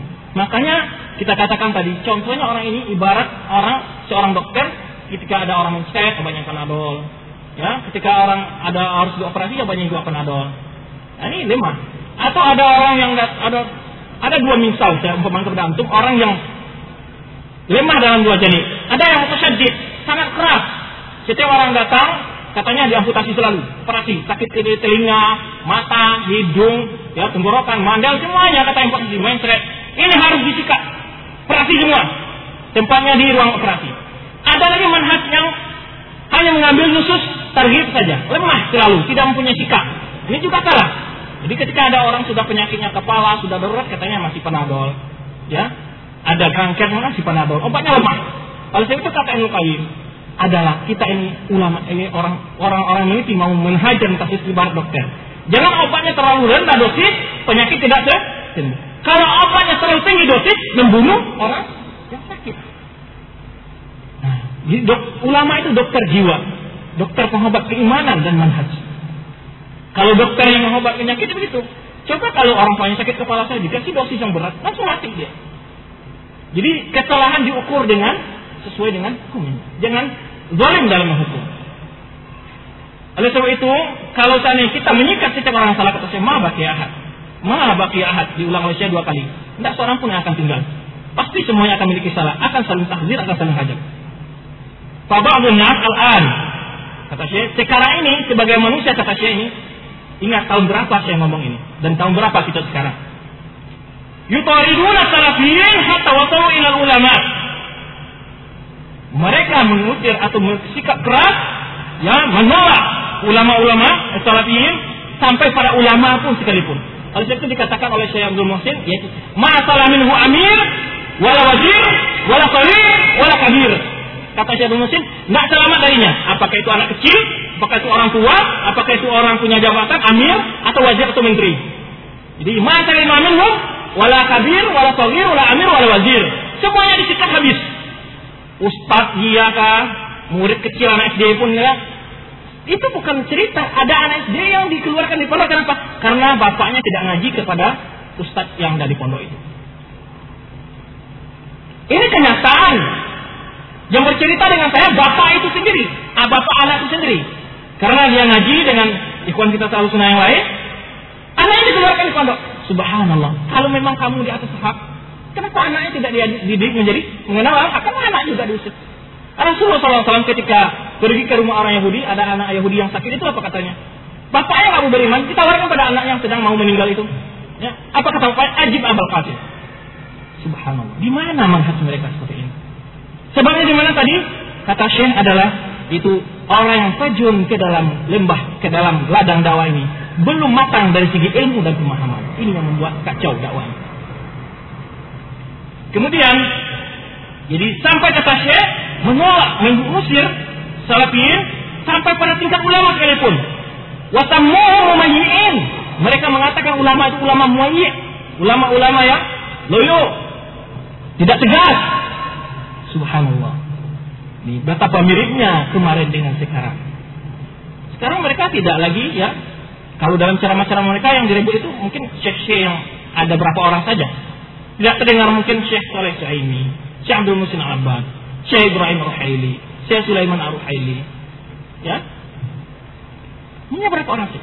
Subhanallah. Ini oleh sebab itu mereka mulai terjatuh, tergelincir, semakin tahun. Namun kita berusaha memperbaiki fitnah-fitnah ini dengan sebaik mungkin. Wal'an kata Syekh, ma baqiya fi alim takriban illa tu'ina fihi wa fihi. Jadi kata Syekh sekarang ini kata Syekh, tidak seorang pun tertinggal ya ulama yang ada sekarang kecuali mereka telah mencela ulama tersebut. Ta'ala fihi. Ini jadi nggak seorang pun tinggal alim takriban kata Syekh nggak seorang pun tinggal seorang ulama pun kecuali mereka telah mentaat. Ta'ala fihi wa fihi. Menilai oh Syekh itu sekular, Syekh itu ada begini, Syekh itu begini. Ya. Wahadihi taba'an hiya tariqul ikhwan al-muslimin wa tariq al-bidah ini adalah tariqah ikhwan muslimin tariqah para ahli bid'ah. Para ahli bid'ah min aslatihim ayyabda'u bi isqatil ulama. Sebenarnya kita ingatkan tadi. Di antara ciri ahli bid'ah adalah pertama sekali senjata mereka adalah menjatuhkan kedudukan ulama di tengah umat. Ini kata Syekh. Sebenarnya kita ungkapkan dari awal muhabarah kita tadi. Banyak tariqatun Yahudiyan Masuniyah. Ini adalah tariqah orang Yahudi Masuni. Zionis. Ya. Ila aratta isqata fikratin jika engkau ingin menyatukan sebuah pendapat, fa'askit ulama'aha au saksiyatiha. Maka jatuhkan dulu ulamanya dan orang yang bicaranya. Ini membantah sebuah ungkapan, pendapat, tidak pendapat dulu dibantah. Dibantah dihabis dulu orang yang berkatanya. Sehingga dengan sendirinya perkataannya juga tidak dipercaya.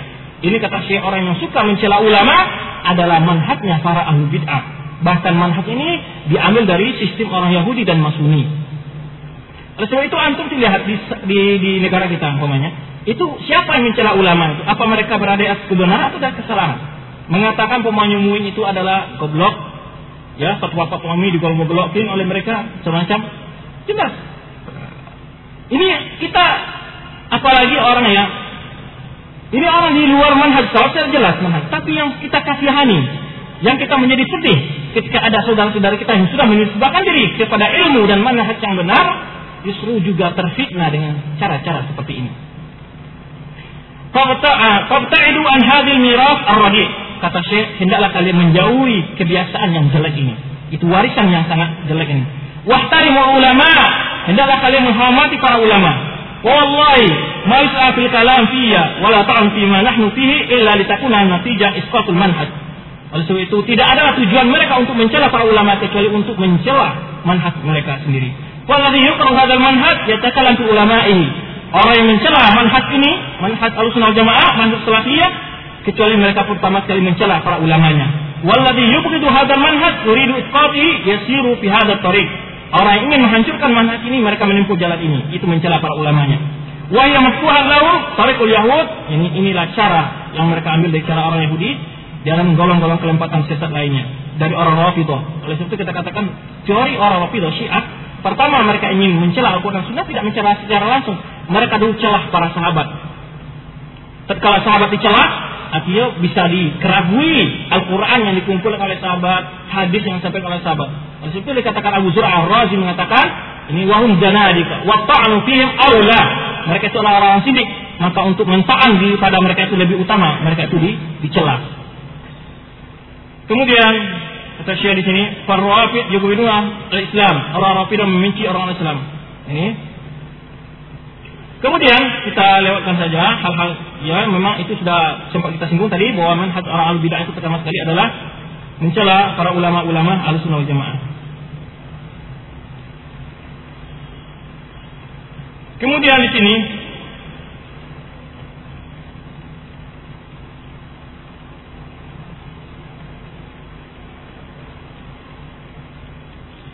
Saya mengingatkan, wa ana arifu annakum lastum ma'sumin wa laysa ulama bimaksumin. Waqad faqad nukhti. Kata Syekh ini perlu dimengerti di sini bahwa tiada di antara kita ini yang maksum yang tidak punya kesalahan. Allah ma illa idza dakhala fi rafat aw fi i'tizal aw fi tajahum atau tahazzub kecuali ini yang telah masuk secara nyata kepada kelompok-kelompok ahzab yang sesat itu jelas. Tapi amat salafi adapun orang-orang ahli sunnah jamaah salafiyin alladhi walis salafiyin yang berloyalitas kepada salafiyin wa yuhibbul manhaj salaf dan menyenangi manhaj salafi jadi barakallahu fikum wa ahzab dan tidak menyenangi kelompok-kelompok ya sesat wa yaqrahul bid'ah wa ahliha dan tidak senang kepada orang-orang bid'ah bid'ah dan pelakunya wa dzalika min amalatil manhaj salafi di antara demikian dari ciri-ciri manhaj salaf summa yud'ifu fi ba'd niqat kemudian dia memiliki kelemahan dalam beberapa titik dalam segi-segi dia mempunyai kelemahan tapi dia secara umum mencintai alus sunnah, mencintai ulama alus sunnah, mencintai manhaj alus sunnah. Tapi secara umum dia memiliki kelemahan-kelemahan juga. Ya, ya yad'afu fi ba'd niqat kata Syekh. Kemudian dia memiliki kelemahan-kelemahan. Fa inna hadza nataraffaqu bihi. Orang seperti ini kita perlu nataraffaq apa? Berbuat santun kepada dia. Kita kasih dia, kita kasihan dia. Kita berbaik dengan nataraffaqu bihi. Kita membuat rif lembut kepada dia. Wa ma natrukuhu. Kita tidak meninggalkannya. Walakin nunsihu nunsihu naik tapi kita menasihatinya walam tasnawan kemudian walam alaihi ya kata di sini kita nasihati dan kita sabar wa nu'alijuhu dan kita mengobatinya barakallahu fikum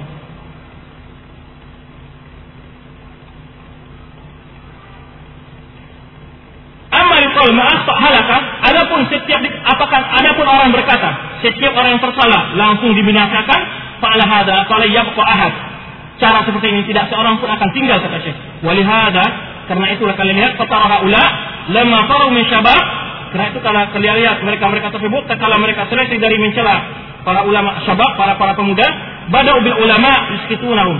Kemudian pindah kepada para ulama-ulama. Mereka mencelanya, merendahkannya.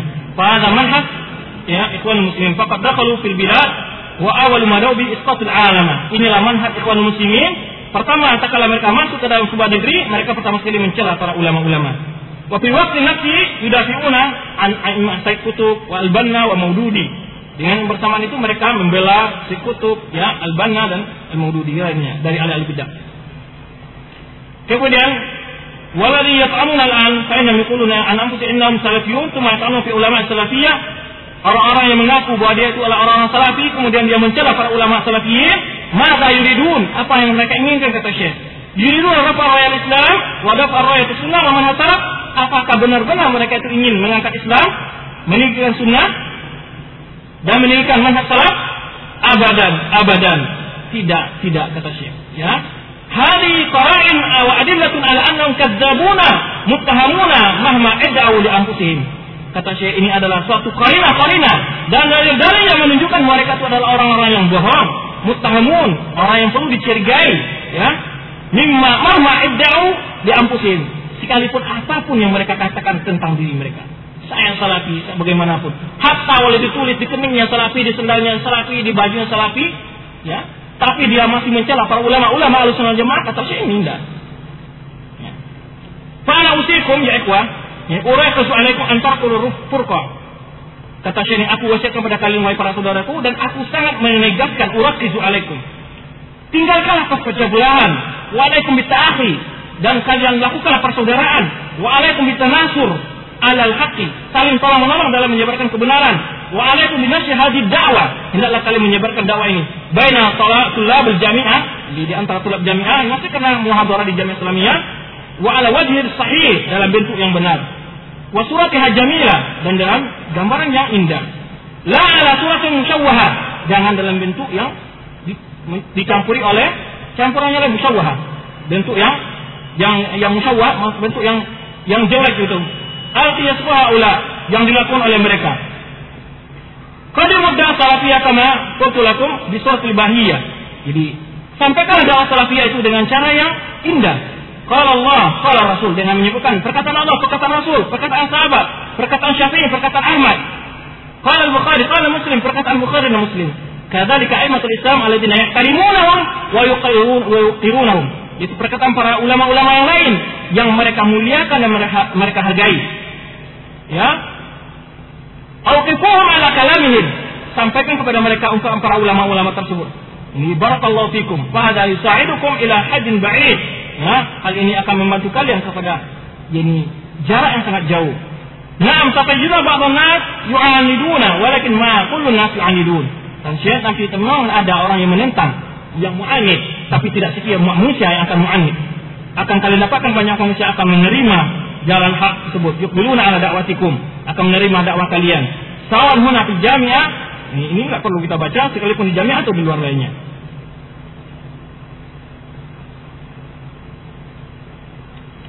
Itulah sedikit tentang buku, uh, buku Syekh Rabi ini yang dapat kita bacakan karena kita mengingat waktu kita terpaksa melompat-lompat saja dan kita mengambil poin-poin yang kira-kira penting untuk uh, mengobati penyakit yang ada di tengah-tengah dakwah kita. Ya, semoga apa namanya suplemen sedikit ini dapat memperbaiki kembali keadaan salafiyah, keadaan dakwah kita. Ya, dalam hal demikian ada beberapa soal di sini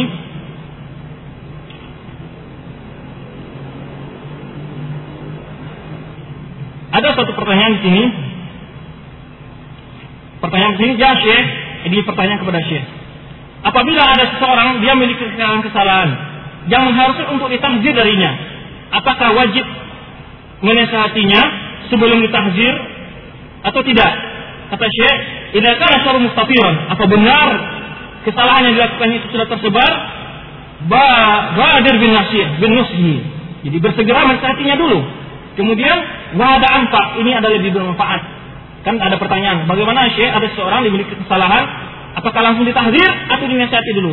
Kata Syekh kalau memang kesesatannya itu sudah begitu besar, syarul mustafir diwilayah dengan nasihat kata Syekh, fa in wa illa. Jika dia terima, jika tidak, fahadir minhu, barulah ditahdir. La'ala nasihat tayyibah.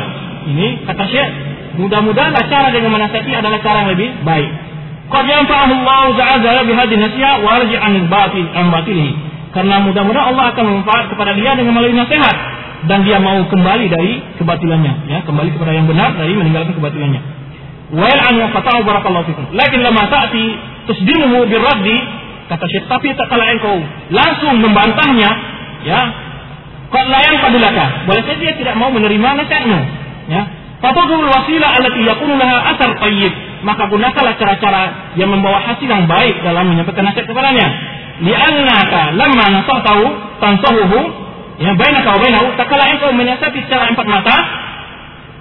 Wa tubdi lahu syai'an min al-lutfi engkau menggambarkan nasihat itu dengan cara lembut sayarji ini akan mudah-mudahan dia akan mau kembali kembali. Jadi bagaimana kata Syekh?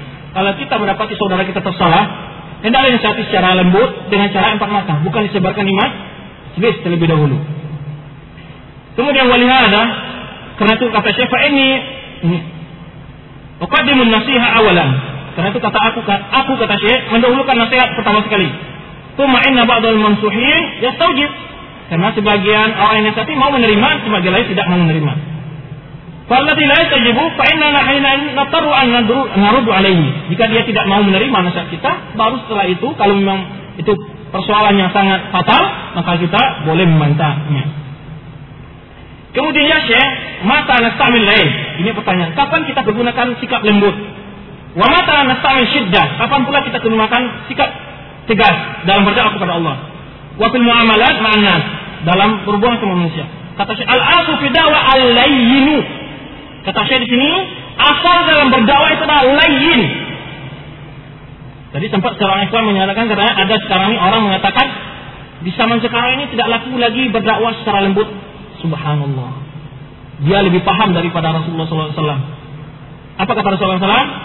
Ya, Inna Allah rafiqun fil amri kulli. Tidak ada kecuali fil amri kulli. Allah lembut dan senang kepada kelembutan dalam segala urusan. Al aslu fi dawati al-layyin wal rif wal hikmah. Asal dalam berdakwah itulah dengan lemah lembut, santun, waris, kasih sayang, wal hikmah dengan hikmah. Hada asal fiha. Inilah asal di dalam dakwah itu.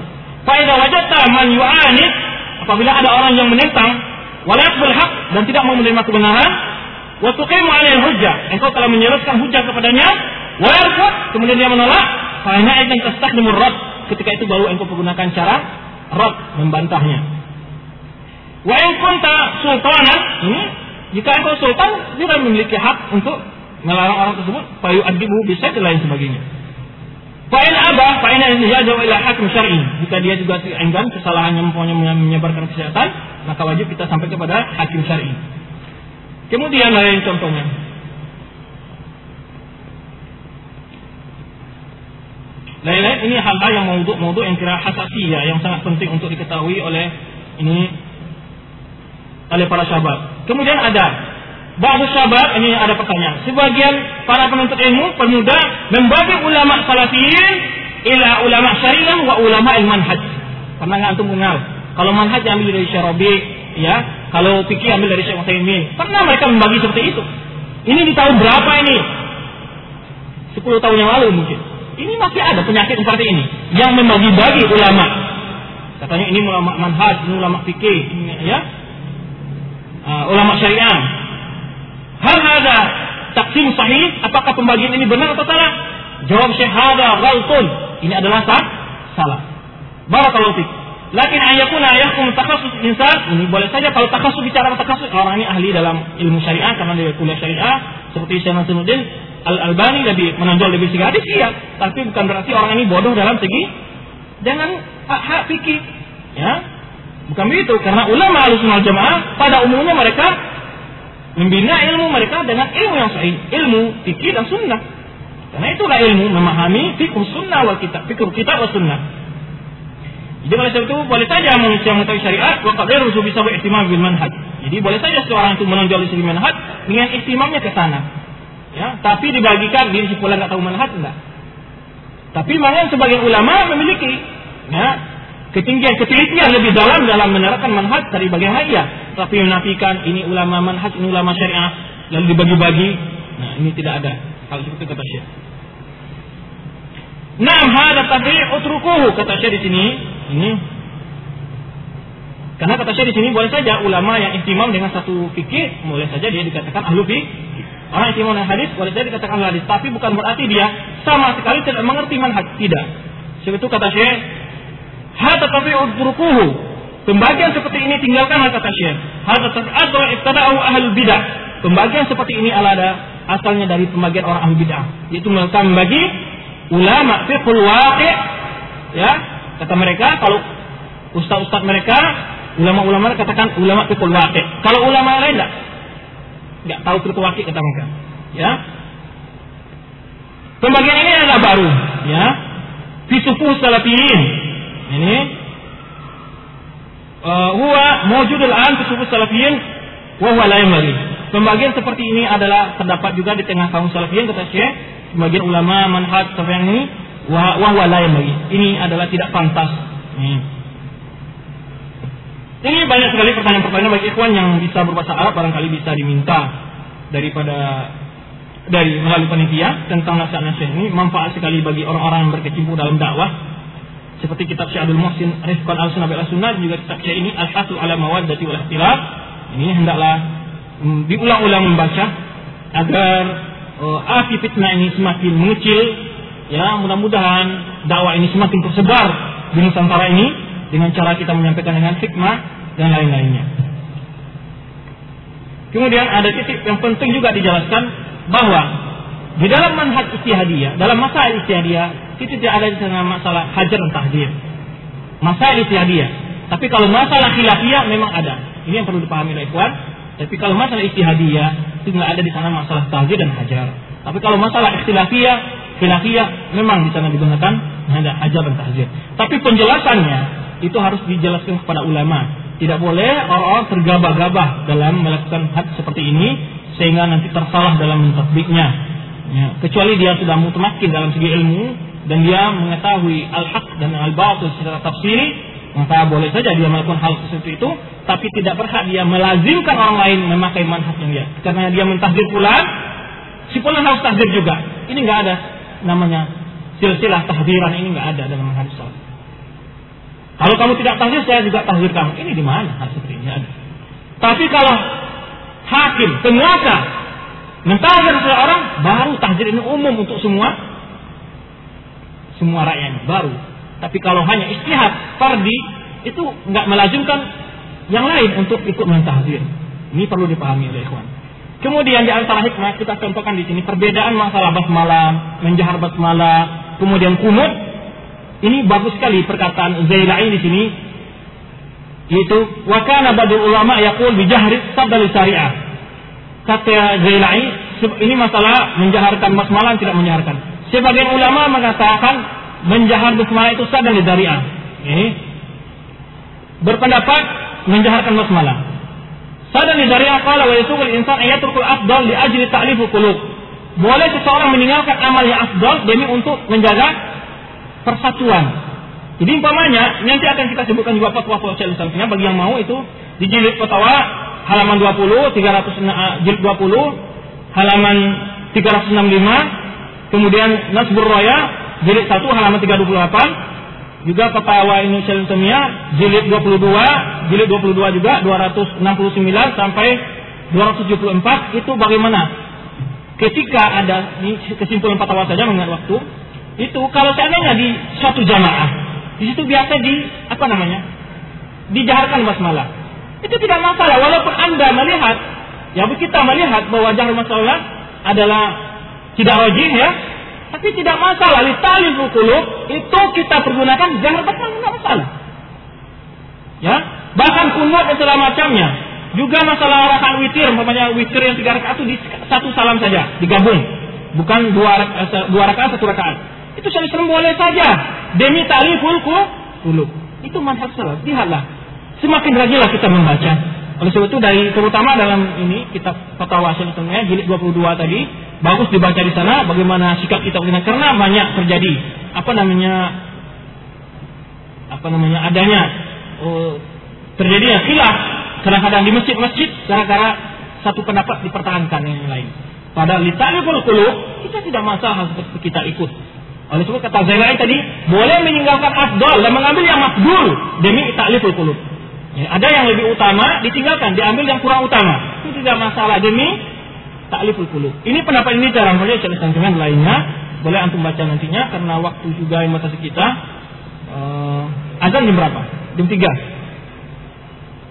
Hah? Kita coba lihat pertanyaan-pertanyaan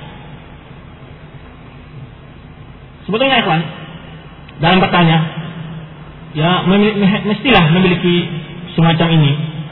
Jangan dalam pertanyaan karena sering juga yang memicu perpecah belahan dalam pertanyaan tentang ditanyakan tentang seseorang atau tentang firqah tertentu. Karena ini dipertanyakan dalam majelis-majelis umum membawa fitnah juga. Ya, kalau ingin mengerti ditanyakanlah secara pribadi. Ya. Atau kadang-kadang dalam bertanya dia punya kasus tertentu, lalu diberikan hukum oleh yang ditanya, lalu diumumkan kasus ini. Wah, pendapatnya begitu secara umum. Tidak, karena oleh sebab itu seorang yang memberi jawaban sesuai dengan pemaham dari soal itu. Sebab itu jangan sampai nanti diumum di dibawa-bawa, ditarik-tarik jawaban-jawaban itu. Sebenarnya orang sebagainya mentarik-tarik fatwa para masyayikh-masyayikh sesuai dengan keinginan mereka masing-masing. Ini apa pertanyaan? Ustaz banyak rata-rata masjid di sekitar kami selalu melakukan zikir jamaah setelah salat wajib. Bagaimana sikap kita? Apakah setelah salam langsung keluar atau tetap di tempat agar melakukan zikir sendiri karena anda saksikan sendiri banyak pemuda-pemuda sudah kenal manhaj salaf langsung keluar tidak berzikir dan alasan tidak mau duduk dengan mereka yang melakukan zikir jamaah. Ini salah. Kenapa kita meninggalkan sunnah kalau begitu tidak usah pergi haji. Kenapa? Banyak orang melakukan bid'ah musim haji. Tidak mau tahu di Ka'bah. Kenapa? Karena orang melakukan bid'ah saat tawaf. Subhanallah. Apakah kita akan meninggalkan syariat ini karena ahli bid'ah? Salah sekali kita. Perlihatkan sunnah. Duduk. Bahkan menjadi fitnah. Orang itu, orang-orang yang punya jenggot itu biasa nggak zikir habis sholat. Lihat, itu keluar dia. Ya kan fitnah. Coba habis sholat kita zikir. Keraskan, ajarkan. Atau kita doain mereka, Pak, ini agak baca-baca zikir habis sholat. Bagus, Pak. Baca. Ya. Kemudian nanti mungkin dia bertanya, kenapa kamu tidak zikir bersama? Kalau tuntunan Rasulullah SAW, Pak, dalam berzikir itu kita masing-masing, bukan bersama-sama. Cara cara baik disampaikan. Tapi kalau kita langsung keluar begitu, menjadi fitnah untuk dakwah sendiri. Dikatakan orang, tuh lihat tuh orang-orang jenggot-jenggotan itu nggak pernah zikir habis sholat. Ya kan? Orang yang cingkrangan itu modelnya apa? Nggak mau zikir itu. Perlihatkan sunnah, zikir tapi kita tidak zikir bersama, zikir sendiri, tidak masalah. Tunjukkan sunnah. Amalkan sunnah di hadapan mereka. Kalau begitu, kalau demi tidak berkumpul oleh bid'ah, antum di mana mau sekarang? Antum nggak bisa hidup di negeri mana-mana sekarang. Di hutan belantara sana. Bagaimanapun antum akan berhubungan dengan ahli bid'ah. Kalau konsep seperti itu antum pakai manhaj. Tapi kita yang dilarang ikut acara bid'ah yang dilarang. Ya, jual beli dengan ahli bid'ah boleh. Ya kan? Nah, ketika di masjid orang mengambalkan oh karena di masjid orang banyak bid'ah lalu kita sholat berjamaah. Tidak. Apakah sahabat tidak mau sholat bersama Nabi SAW karena ada orang munafikin sholat? Enggak. Orang munafikin ikut bersama Rasulullah berjihad. Apakah sahabat tidak mau berjihad karena orang munafikin ikut berjihad? Tidak. Jangan tinggalkan al-haq karena orang melakukan secara lihatkan al-haq itu bagaimana, sunnahnya bagaimana. Ini konsep ini seperti ini salah. Kalau ada karena tidak ada alasan tidak mau duduk bersama lu bidah, duduk yang dilarang sama lu bidah itu apa? Duduk kalau melakukan bidah mereka dalam acara mereka, iya. Kita kan nggak mengikuti acara mereka. Zikir sendiri, teriakan sunnah. Kalau pakai manfaat seperti ini, oh dengan alasan tidak mau duduk al saya katakan nggak bisa dia hidup. Hidup di hutan belantara sana sendirian. Kapan orang akan kenal sunnah kalau tidak diperlihatkan? Karena kan sunnah. Justru kita antum sendiri sudah bid'ah mubtadi. Kenapa? Setiap keluar soal keluar salat, kalau kalau tidak melakukan zikir, bahkan sunnah adalah zikir. Setelah tidak langsung, jangan melawan bid'ah dengan bid. Lakukan zikir. yang mana ini sunnah. Ini sebab itu jangan berpikiran ya sahabat saja banyak orang munafik pun yang sholat bersama Rasulullah SAW nggak mau sahabat keluar dari jamaah karena ada orang munafik yang pergi ke masjid tidak ada sahabat meninggalkan jihad karena orang munafikin ikut berjihad. Ini manhaj-manhaj yang keliru. Ya. Ustaz, di dekat rumah tempat masjid yang ada kuburannya, anak sholat di masjid lain yang lebih jauh jaraknya. Hal ini menjadi pembicaraan bahan gunjingan dari tetangga. Bagaimana anak menjelaskan kepada tetangga mengingat ada sendiri masih awam. Ketika kita awam, ada berapa hal untuk menasihati tetangga. Emma kita ajak dia ke kajian-kajian kita, atau dengan cara menghadiahkan buku, atau kita undang ustadz ke rumah kita dan diajak makan bersama ke rumah kita, terus pertanyakan, Ustaz ini hukum ini bagaimana? Atau kita jelaskan pada dia, saya tidak mau sholat bukan karena tidak senang di masjid sini, teman di sini, cara mencari afdalnya lebih sah sholat saya karena di sini ada kuburan, jelaskan. Ini dalilnya dari hadis Rasulullah SAW. Lihatkan ini dalam saya Muslim pemanya. Jelaskan kepada mereka dalilnya jelaskan kepada mereka dalilnya atau dengan memberikan buku seperti itu. Kemudian sampai kapan kita bertikai? Bagaimana membangun persatuan dan persaudaraan di antara kaum muslimin yang berbeda manhajnya? Bagaimana mempersatukan fikra-fikra yang ada seperti begini Evan. Perpecah belahan adalah takdir kauni. Wala yazaluna yakhthalifuna illa rahimah akan terjadi senantiasa perpecah belahan ini. Tapi itu perpecah belahan kauni. Sudah ditakdirkan perpecah belahan itu. Tapi yang harus kita tempuh adalah amr syar'i, perintah syarak. Perintah syarak apa? Jangan berpecah belah, berpecah belah. Rasulullah sudah memprediksi umatnya akan terpecah belah. Sastafariku hadil ummah. Ala salatu wa sabina firqah. Dijelaskan ini takdir kauni, ikhbar an takdir kauni. Kemudian diberikan gambaran bagaimana cara keluar dari ini. Itu yang selamat apa? Mana alai mana alai ashabi. Orang berkata dengan apa yang aku berada di atasnya pada hari ini dan juga para sahabatku. Dalam hadis irbat manusia, fa'innahu maya'ish minkum. Sudah digambarkan Rasulullah. Siapa yang hidup di antara kalian akan melihat perpecah belahan yang banyak. Ikhtilafan kathira. Itu takdir kauni. Tapi takdir syarinya bagaimana? Kita lari dari perpecah belahan jangan jalan bagaimana? Jalan keluarnya ditunjukkan oleh Rasulullah SAW sendiri. Yaitu, Fa'alaikum sunnati wa sunnati khulafar rasyidin. Dengan begini kita akan menjadi bersatu. Bila persatuan di atas akidah yang benar dan sunnah. Berpegang teguh dengan sunnahku, kata Rasulullah SAW, dan sunnah khulafah Rasidin. Kenapa Rasulullah SAW menegaskan juga dengan khulafah Rasidin, sunnah khulafah Rasidin? Kenapa tidak cukup dengan sunnah Rasulullah?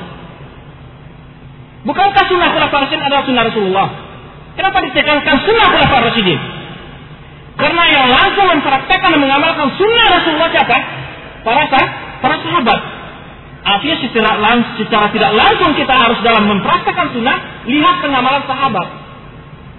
Begitu. Ini salah satu dalil menunjukkan wajibnya kita dalam memahami Al-Quran dan Sunnah sesuai dengan pemahaman para sahabat. Meskipun tidak sebatas sunnati, tidak begitu kata Rasulullah. Alaikum bisunnati wa sunnati khulafa rasyidin. Kenapa ada penekanan pada khulafa rasyidin? Karena disebut khulafa rasyidin. Apakah ada perbedaan antara sunnah khulafa dan sunnah Rasul? Tidak. Tapi yang langsung mempraktekkan sunnah kita berpegang teguh dengannya sunnah Rasulullah adalah bagaimana khulafa rasyidin para sahabat mengamalkan sunnah tersebut. Jangan perpecahan mudah sekali adalah kembali kepada Al-Quran Sunnah sesuai dengan paham para sahabat. Sudah. Tidak perlu mengadakan konsolidasi rapat umum apa pertemuan-pertemuan. Tidak. Mudah saja. Setiap dai ingin bersatukan umat, kembalikan umat kepada ulamanya dan kepada manhajus salaf. Pada akidah yang benar dan kepada sunnah. Ini jalan keluarnya. Kemudian kalau ingin mempersatukan semua umat Islam itu tidak mungkin terjadi karena sudah di, ada takdir kauni. Perbedaan takdir kauni dan takdir syar'i itu apa? Takdir kauni pasti terjadi tapi tidak merupakan suatu hal yang dicintai oleh Allah. Kalau takdir syar'i tidak mesti terjadi tetapi hal itu dicintai oleh Allah. Kita sebagai seorang muslim yang wajib kita usahakan adalah mengikut takdir syar'i, bukan menyerah kepada takdir kauni. Maka kita haram untuk berpecah belah. Iya haram untuk berpecah belah. Wajib kita menempuh jalan-jalan untuk kesatuan. Iya wajib. Ini adalah syar'i yang harus kita lakukan. Adapun natijah, adanya masih orang yang mau tidak mau itu dia yang menjadi diikop oleh Allah, bukan kita. Kita mempertahankan jawabkan diri kita, membawa diri kita kepada sunnah, kepada pemahaman sahabat. Ini semua diri kita mukhafaf. Diajak ke sana semua. Dengan sendirinya orang yang tidak mau dia sendiri yang memecah belah, bukan kita. Dan itu memang sudah ujian bagi Allah. Ada hikmah di balik itu agar terlihat mana yang hak dan mana yang batil. Itu. Mana belukum bisyari wal khairi. Ada ujian. Waladhi khalaqal hayata wal mauta liyabluwakum ayyukum ahsanu amala. Kalau begitu kenapa Allah menyicapkan kita ke dunia? Langsung aja masuk surga. Tapi adanya kehidupan ini adalah kita diuji. Ahlul haqi diuji dengan ahlul batil. Agar terlihat benar mana yang hak dan mana yang batil. Kemudian bagaimana sikap para ulama tentang ya, tahdiran yang dikeluarkan oleh Syekh? Ini saya tidak menjawab hal ini. Tahdir-tahdiran itu karena hal itu jelas tidak ya membawa kepada faedah yang jelas. Dan sebab-sebabnya saya sudah tidak mengerti oleh itu saya tidak bisa menjawab. Kenapa sipulan tafsir sipulan sebenarnya bagaimana tentang orang yang menyebut Islam liberal dengan sebutan jaringan iblis laknatullah, apakah yang dimaksud dengan bahwa ahli bid'ah tak dapat bertobat? Bukankah Allah mana menerima tobat? Ini menamakan apa namanya jaringan Islam liberal sebagai jaringan apa iblis liberal ya Karena memang pikirannya sama dengan iblis. Pikiran mereka sama dengan iblis. Dan Islam liberal itu tidak bisa dikatakan sebagai firqah dari Islamia. Jelas keluar dari Islam. Mengatakan semua agama sama, itu bukan Islam. Jangankan ahli Islam, orang kafir pun tidak setuju mengatakan bahwa semua agama sama. Apa kata orang Yahudi? Hah? Kulu kulu dan Allah salah tadu. Kata orang Yahudi atau orang Nasara, mereka mengatakan jadilah karena orang Yahudi atau menjadi Nasara. tadu. Inilah petunjuk. Ya? Berkata lagi orang Yahudi, wa qalu la yadkhulul jannata illa man kana hudan aw nasara. Mereka merasa benar. Jadi, pikiran liberal ini adalah sebetulnya menentang semua agama, bermuara kepada ateisme, pengingkaran semua agama, penghapusan semua agama. Inilah muara dari pemikiran liberalisme. Karena kalau orang mengatakan semua agama benar, itu sama dengan mengatakan semua agama adalah sah, salah. Itu filsafatnya. Jelas, ini nggak bisa dimasukkan ke kata firqah Islamiyah. Jelas pemikirannya ada orang keluar dari Islam.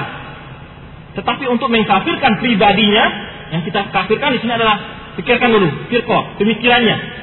Bukan orang pribadi-pribadinya, karena yang berhak mengkafirkan orang berkata secara pribadi-pribadi, itu takfir muayyan adalah hakim, penguasa. Dia menghukum. Ya. Kemudian ada suruh takfir segala macamnya. Tetapi kalau menyesatkan pemikiran boleh. Kita katakan pemikiran ini adalah sesat, iya. Kufur, iya. Jadi beda antara takfir am, pengkafiran perbuatan dan perkataan itu bukan lazim mengkafirkan orang yang berkata. Ini harus anda pahami.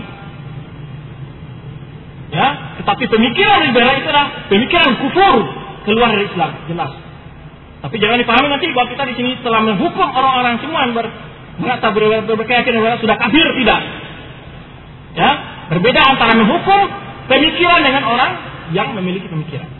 Karena ada harus didekatkan hujah, walaupun ini permasalahan-permasalahan sudah kotor dalam Islam, sudah jelas dalam Islam, ya. Tapi yang berhak menyatakan kufur dan tidak kafir itu adalah hakim, qadi. Ya. Jadi persoalan mengkafirkan seseorang bukan hal yang mudah, tapi mengkafirkan pemikiran itu boleh. Pemikiran ibarat itu pemikiran kufur, jelas. Kemudian, apakah yang dimaksud dengan ahli bid'ah tidak dapat bertobat? Ahli bid'ah yang dinafikan ulama bukan dinafikan tidak diterima tobatnya. Karena ahli bid'ah itu kemungkinan untuk bertobat sangat jauh. Kenapa? Jadi istib'ah. Bukan berarti tidak ada yang bertobat, ada ahli bid'ah yang bertobat. Tapi istib'ah sangat jauh kemungkinan dia untuk bertobat. Kenapa? Karena bid'ah itu bagi dia agama. Nah dia tidak sadar, dia tidak menganggap ini bid'ah itu sesat. Bagaimana dia akan bertobat? Benar. Jika dilarang dia menganggap ini benar. Ada dalilnya. Begitu. Sehingga mengamal agama dia. Nggak mungkin dia tinggalkan. Nah. Adapun orang ahli maasi, setiap dia berzina, setiap dia mencuri, itu sadar perbuatan ini adalah sah? salah. Sadar benar dia, itu salah. Kemungkinan dia untuk bertobat itu lebih dekat daripada ahli bid'ah. Karena ahli bid'ah dia menganggap perbuatannya itu adalah agama, ibadah dan pahala katanya. Jadi kemungkinan untuk bertobat yang jauh. Bukan berarti Allah tidak menerima tobat, Menerima tobat siapa yang bertobat? Ya bahkan ahli syirik. Jangan kalau beda. Orang syirik saya terima tobatnya oleh Allah Subhanahu wa taala. Kemudian bagaimana sikap kita terhadap orang yang suka menghibah menjelekkan sesama muslim tidak berakhlak dalam ucapan apakah boleh mengambil manfaat darinya begini manfaat darinya sebagai apa bagaimana kalau disampaikannya ilmu tidak masalah ya tetapi apabila memang majelisnya selalu sikapnya mencela dan menghina itu tidak ada manfaatnya. Mana manfaatnya mau diambil? Kalau dia kajiannya berdasarkan kalau Allah, kalau Rasul, ulama, boleh kita hadir. Sama-sama ambil ilmu dari dia. Tetapi kalau memang ya, ada lagi kajian yang, yang selamat dari sifat mencela dan menghina, lebih baik tinggalkan majelis yang ada di sana. Mencela dan menghina kepada majelis yang terlepas dari sifat suka mencela dan menghina. Jelas kita mencuri milih yang lebih baik. Benarkah metode dakwah takdil apa?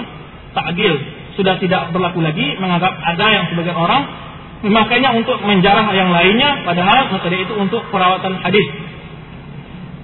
Riwayat jarah dan takdil itu benar, tetapi yang menjarah dan takdil adalah ulama jarah takdil. Bukan ulama-ulama yang majruh juga. Ini yang anehnya mereka men menganggap diri mereka sebagai ulama jahrul ta'dil, terkhusus lebih khusus kita di Indonesia ini dakwah-dakwah kita ini, justru mereka sendiri majruh di manhajihi. Mereka sendiri justru majruh. Bagaimana pula dia menjarah orang lain? Karena tahu menyimpang dari manhaj salaf itu penyimpangan yang sangat fatal. Bagaimana dia bisa menjarah orang lain? Biasanya tidak paham manhaj. Kemudian masalah jarah dan takdir itu ada dilakukan kepada periwayatan hadis, bukan kepada fukaha fukaha. Ya, dalam periwayatan hadis iya. Dan itu ya bukan berarti tidak berlaku di zaman sekarang, bisa saja diperlakukan kepada dai-dai yang pada tokoh al bid'ah. Tetapi yang sering mereka lakukan adalah mereka menjarah para dai-dai al sunnah. Ya, dan tidak menjarah dai-dai al bid'ah.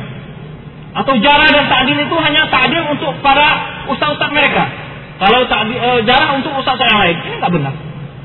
Saya katakan, untuk di Indonesia yang suka menjarah dan ta'dil itu belum bisa dipercaya jarah dan ta'dilnya.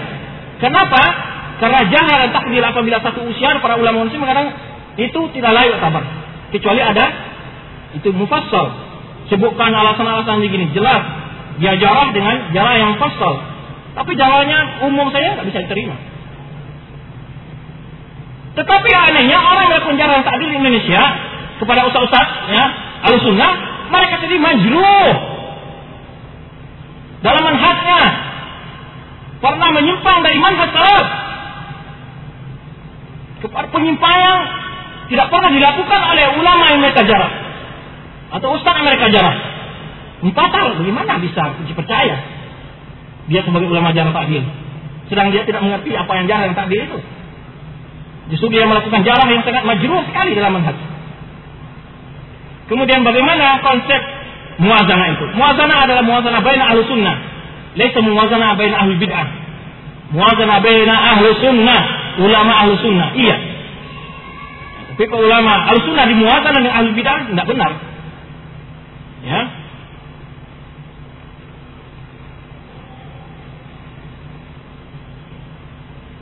Ini ada pertanyaan, apakah benar seorang ikhwan salafi harus memakai gamis setiap saat? Bagaimana dengan pakaian sehari-hari kita? Tidak ada di dalam kita kita pikir antum sebutkan nggak ada yang mewajibkan itu pakaian gamis. Jadi ada pun di dalam hadis menyebutkan bahwa Rasulullah lebih senang kepada pakaian gamis, bukan berarti orang memakai sebagian pakaian gamis adalah mutadi tidak. Di dalam hadis juga disebutkan Rasulullah lebih senang makan apa? Sarit. Senang makan sarit. Sarit itu adalah korma yang di apa? Dihaluskan, disampah minyak samin lainnya Apakah orang makan nasi adalah mubtadi? Tidak. Rasulullah juga tidak tidak hanya senantiasa memakai pakaian gamis, juga pernah memakai pakaian ahli zaman. Ya. Oleh sebab itu ketika orang muhrim yang dilarang ada memakai apa? Itu dilarang memakai sarawil wa kubba'ah. Ini bukan pakaian orang Arab. Sarawil wa kubba'ah. Yang dilarang waktu umrah berarti secara tidak langsung di luar umrah itu boleh seorang muslim makainya. Tapi harus memenuhi kaidah kedasarinya, tidak musbil, tidak menyerupai pakaian wanita, tidak menyerupai pakaian orang kafir, iya. Begitu. Dalam masalah tasyabuh perlu lagi penjelasan. Ada hal yang musyarakah banyak kafir muslim. Seperti sepatu, mobil. Antum bisa nggak tasyabuh dengan mobil? Tidak bisa. Motor, tasyabuh antara mukmin dan muslim itu karena mustarakah.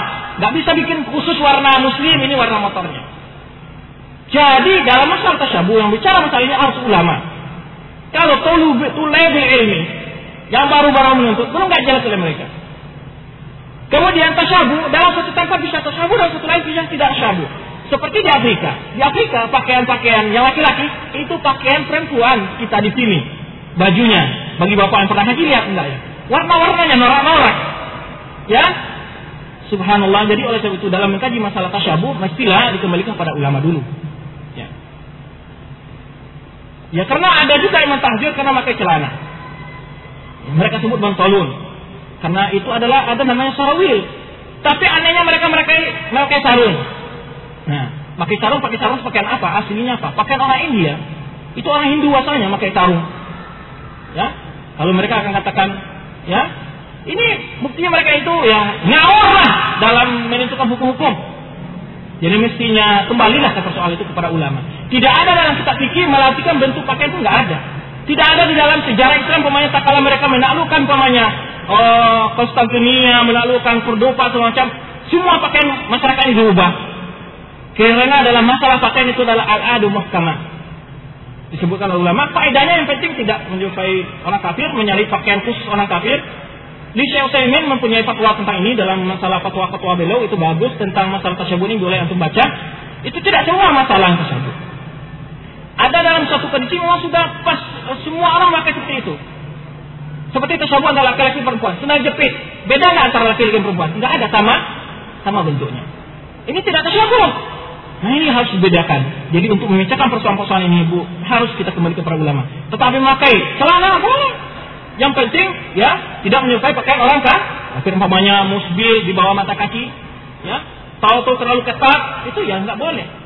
Ya, tetapi mereka sampai kepada tingkat yang hulu. Ini yang musibah dalam dakwah salafiyah ini. Maka kita katakan tadi, yasiru wa la tu'asiru. Selama tidak ada dosa di dalamnya, jangan diadakan paksaan memaksa. Berikan kemudahan kepada umat. Ya, sebenarnya saya katakan kepada antum tadi, sampai terlontar di, di perkataan orang awam, dia itu bukan tidak senang dengan kajian, tapi yang sulit, yang nggak ono itu apa? Saragami. Saya nggak bisa bahasa Jawa, tapi saya menirukan begitu katanya. Ya, yang nggak ono itu seragami, sulit memakai seragam itu saya nggak bisa katanya. Ya, ke mana waktu sudah habis, ya. Ini ada pertanyaan, siapa itu salafi? Salafi adalah orang benar-benar bernyala di atas manhaj salaf. Sudah, ini definisinya. Orang benar-benar manhaj Quran Sunnah di atas manhaj salaf.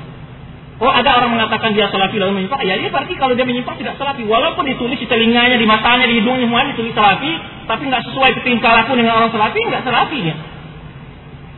Kalau benar dikatakan dalam syair Arab, kullu yadai annahu tasir yasiru ila laila wa laila la tasiru bidzalik. Setiap orang mengaku kekasih Laila, tapi Laila nggak nggak mengakuinya. Nggak ada artinya. Karena salafiyah laisa bid'ah.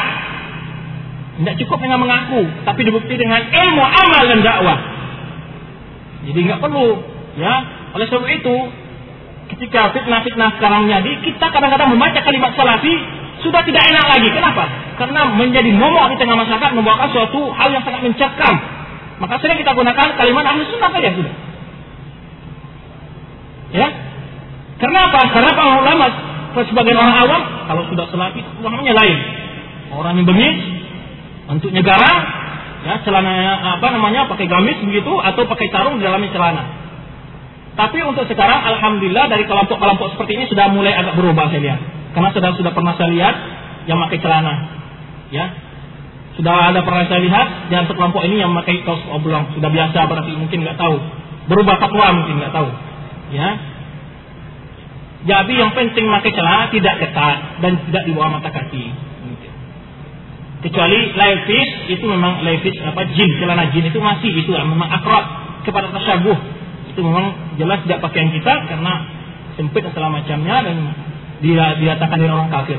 Tapi kalau celana salah celana kita biasa, tidak masya Allah insya Allah dan itu sudah dipertanyakan kepada sebagian masyarakat tidak masalah. Ya, kita tanya kepada Syekh Sulaiman Sulaiman Aidin dan segala macam, tidak masalah. Ya, tidak masalah hal seperti itu. Yang penting tidak ketat dan tidak di kaki.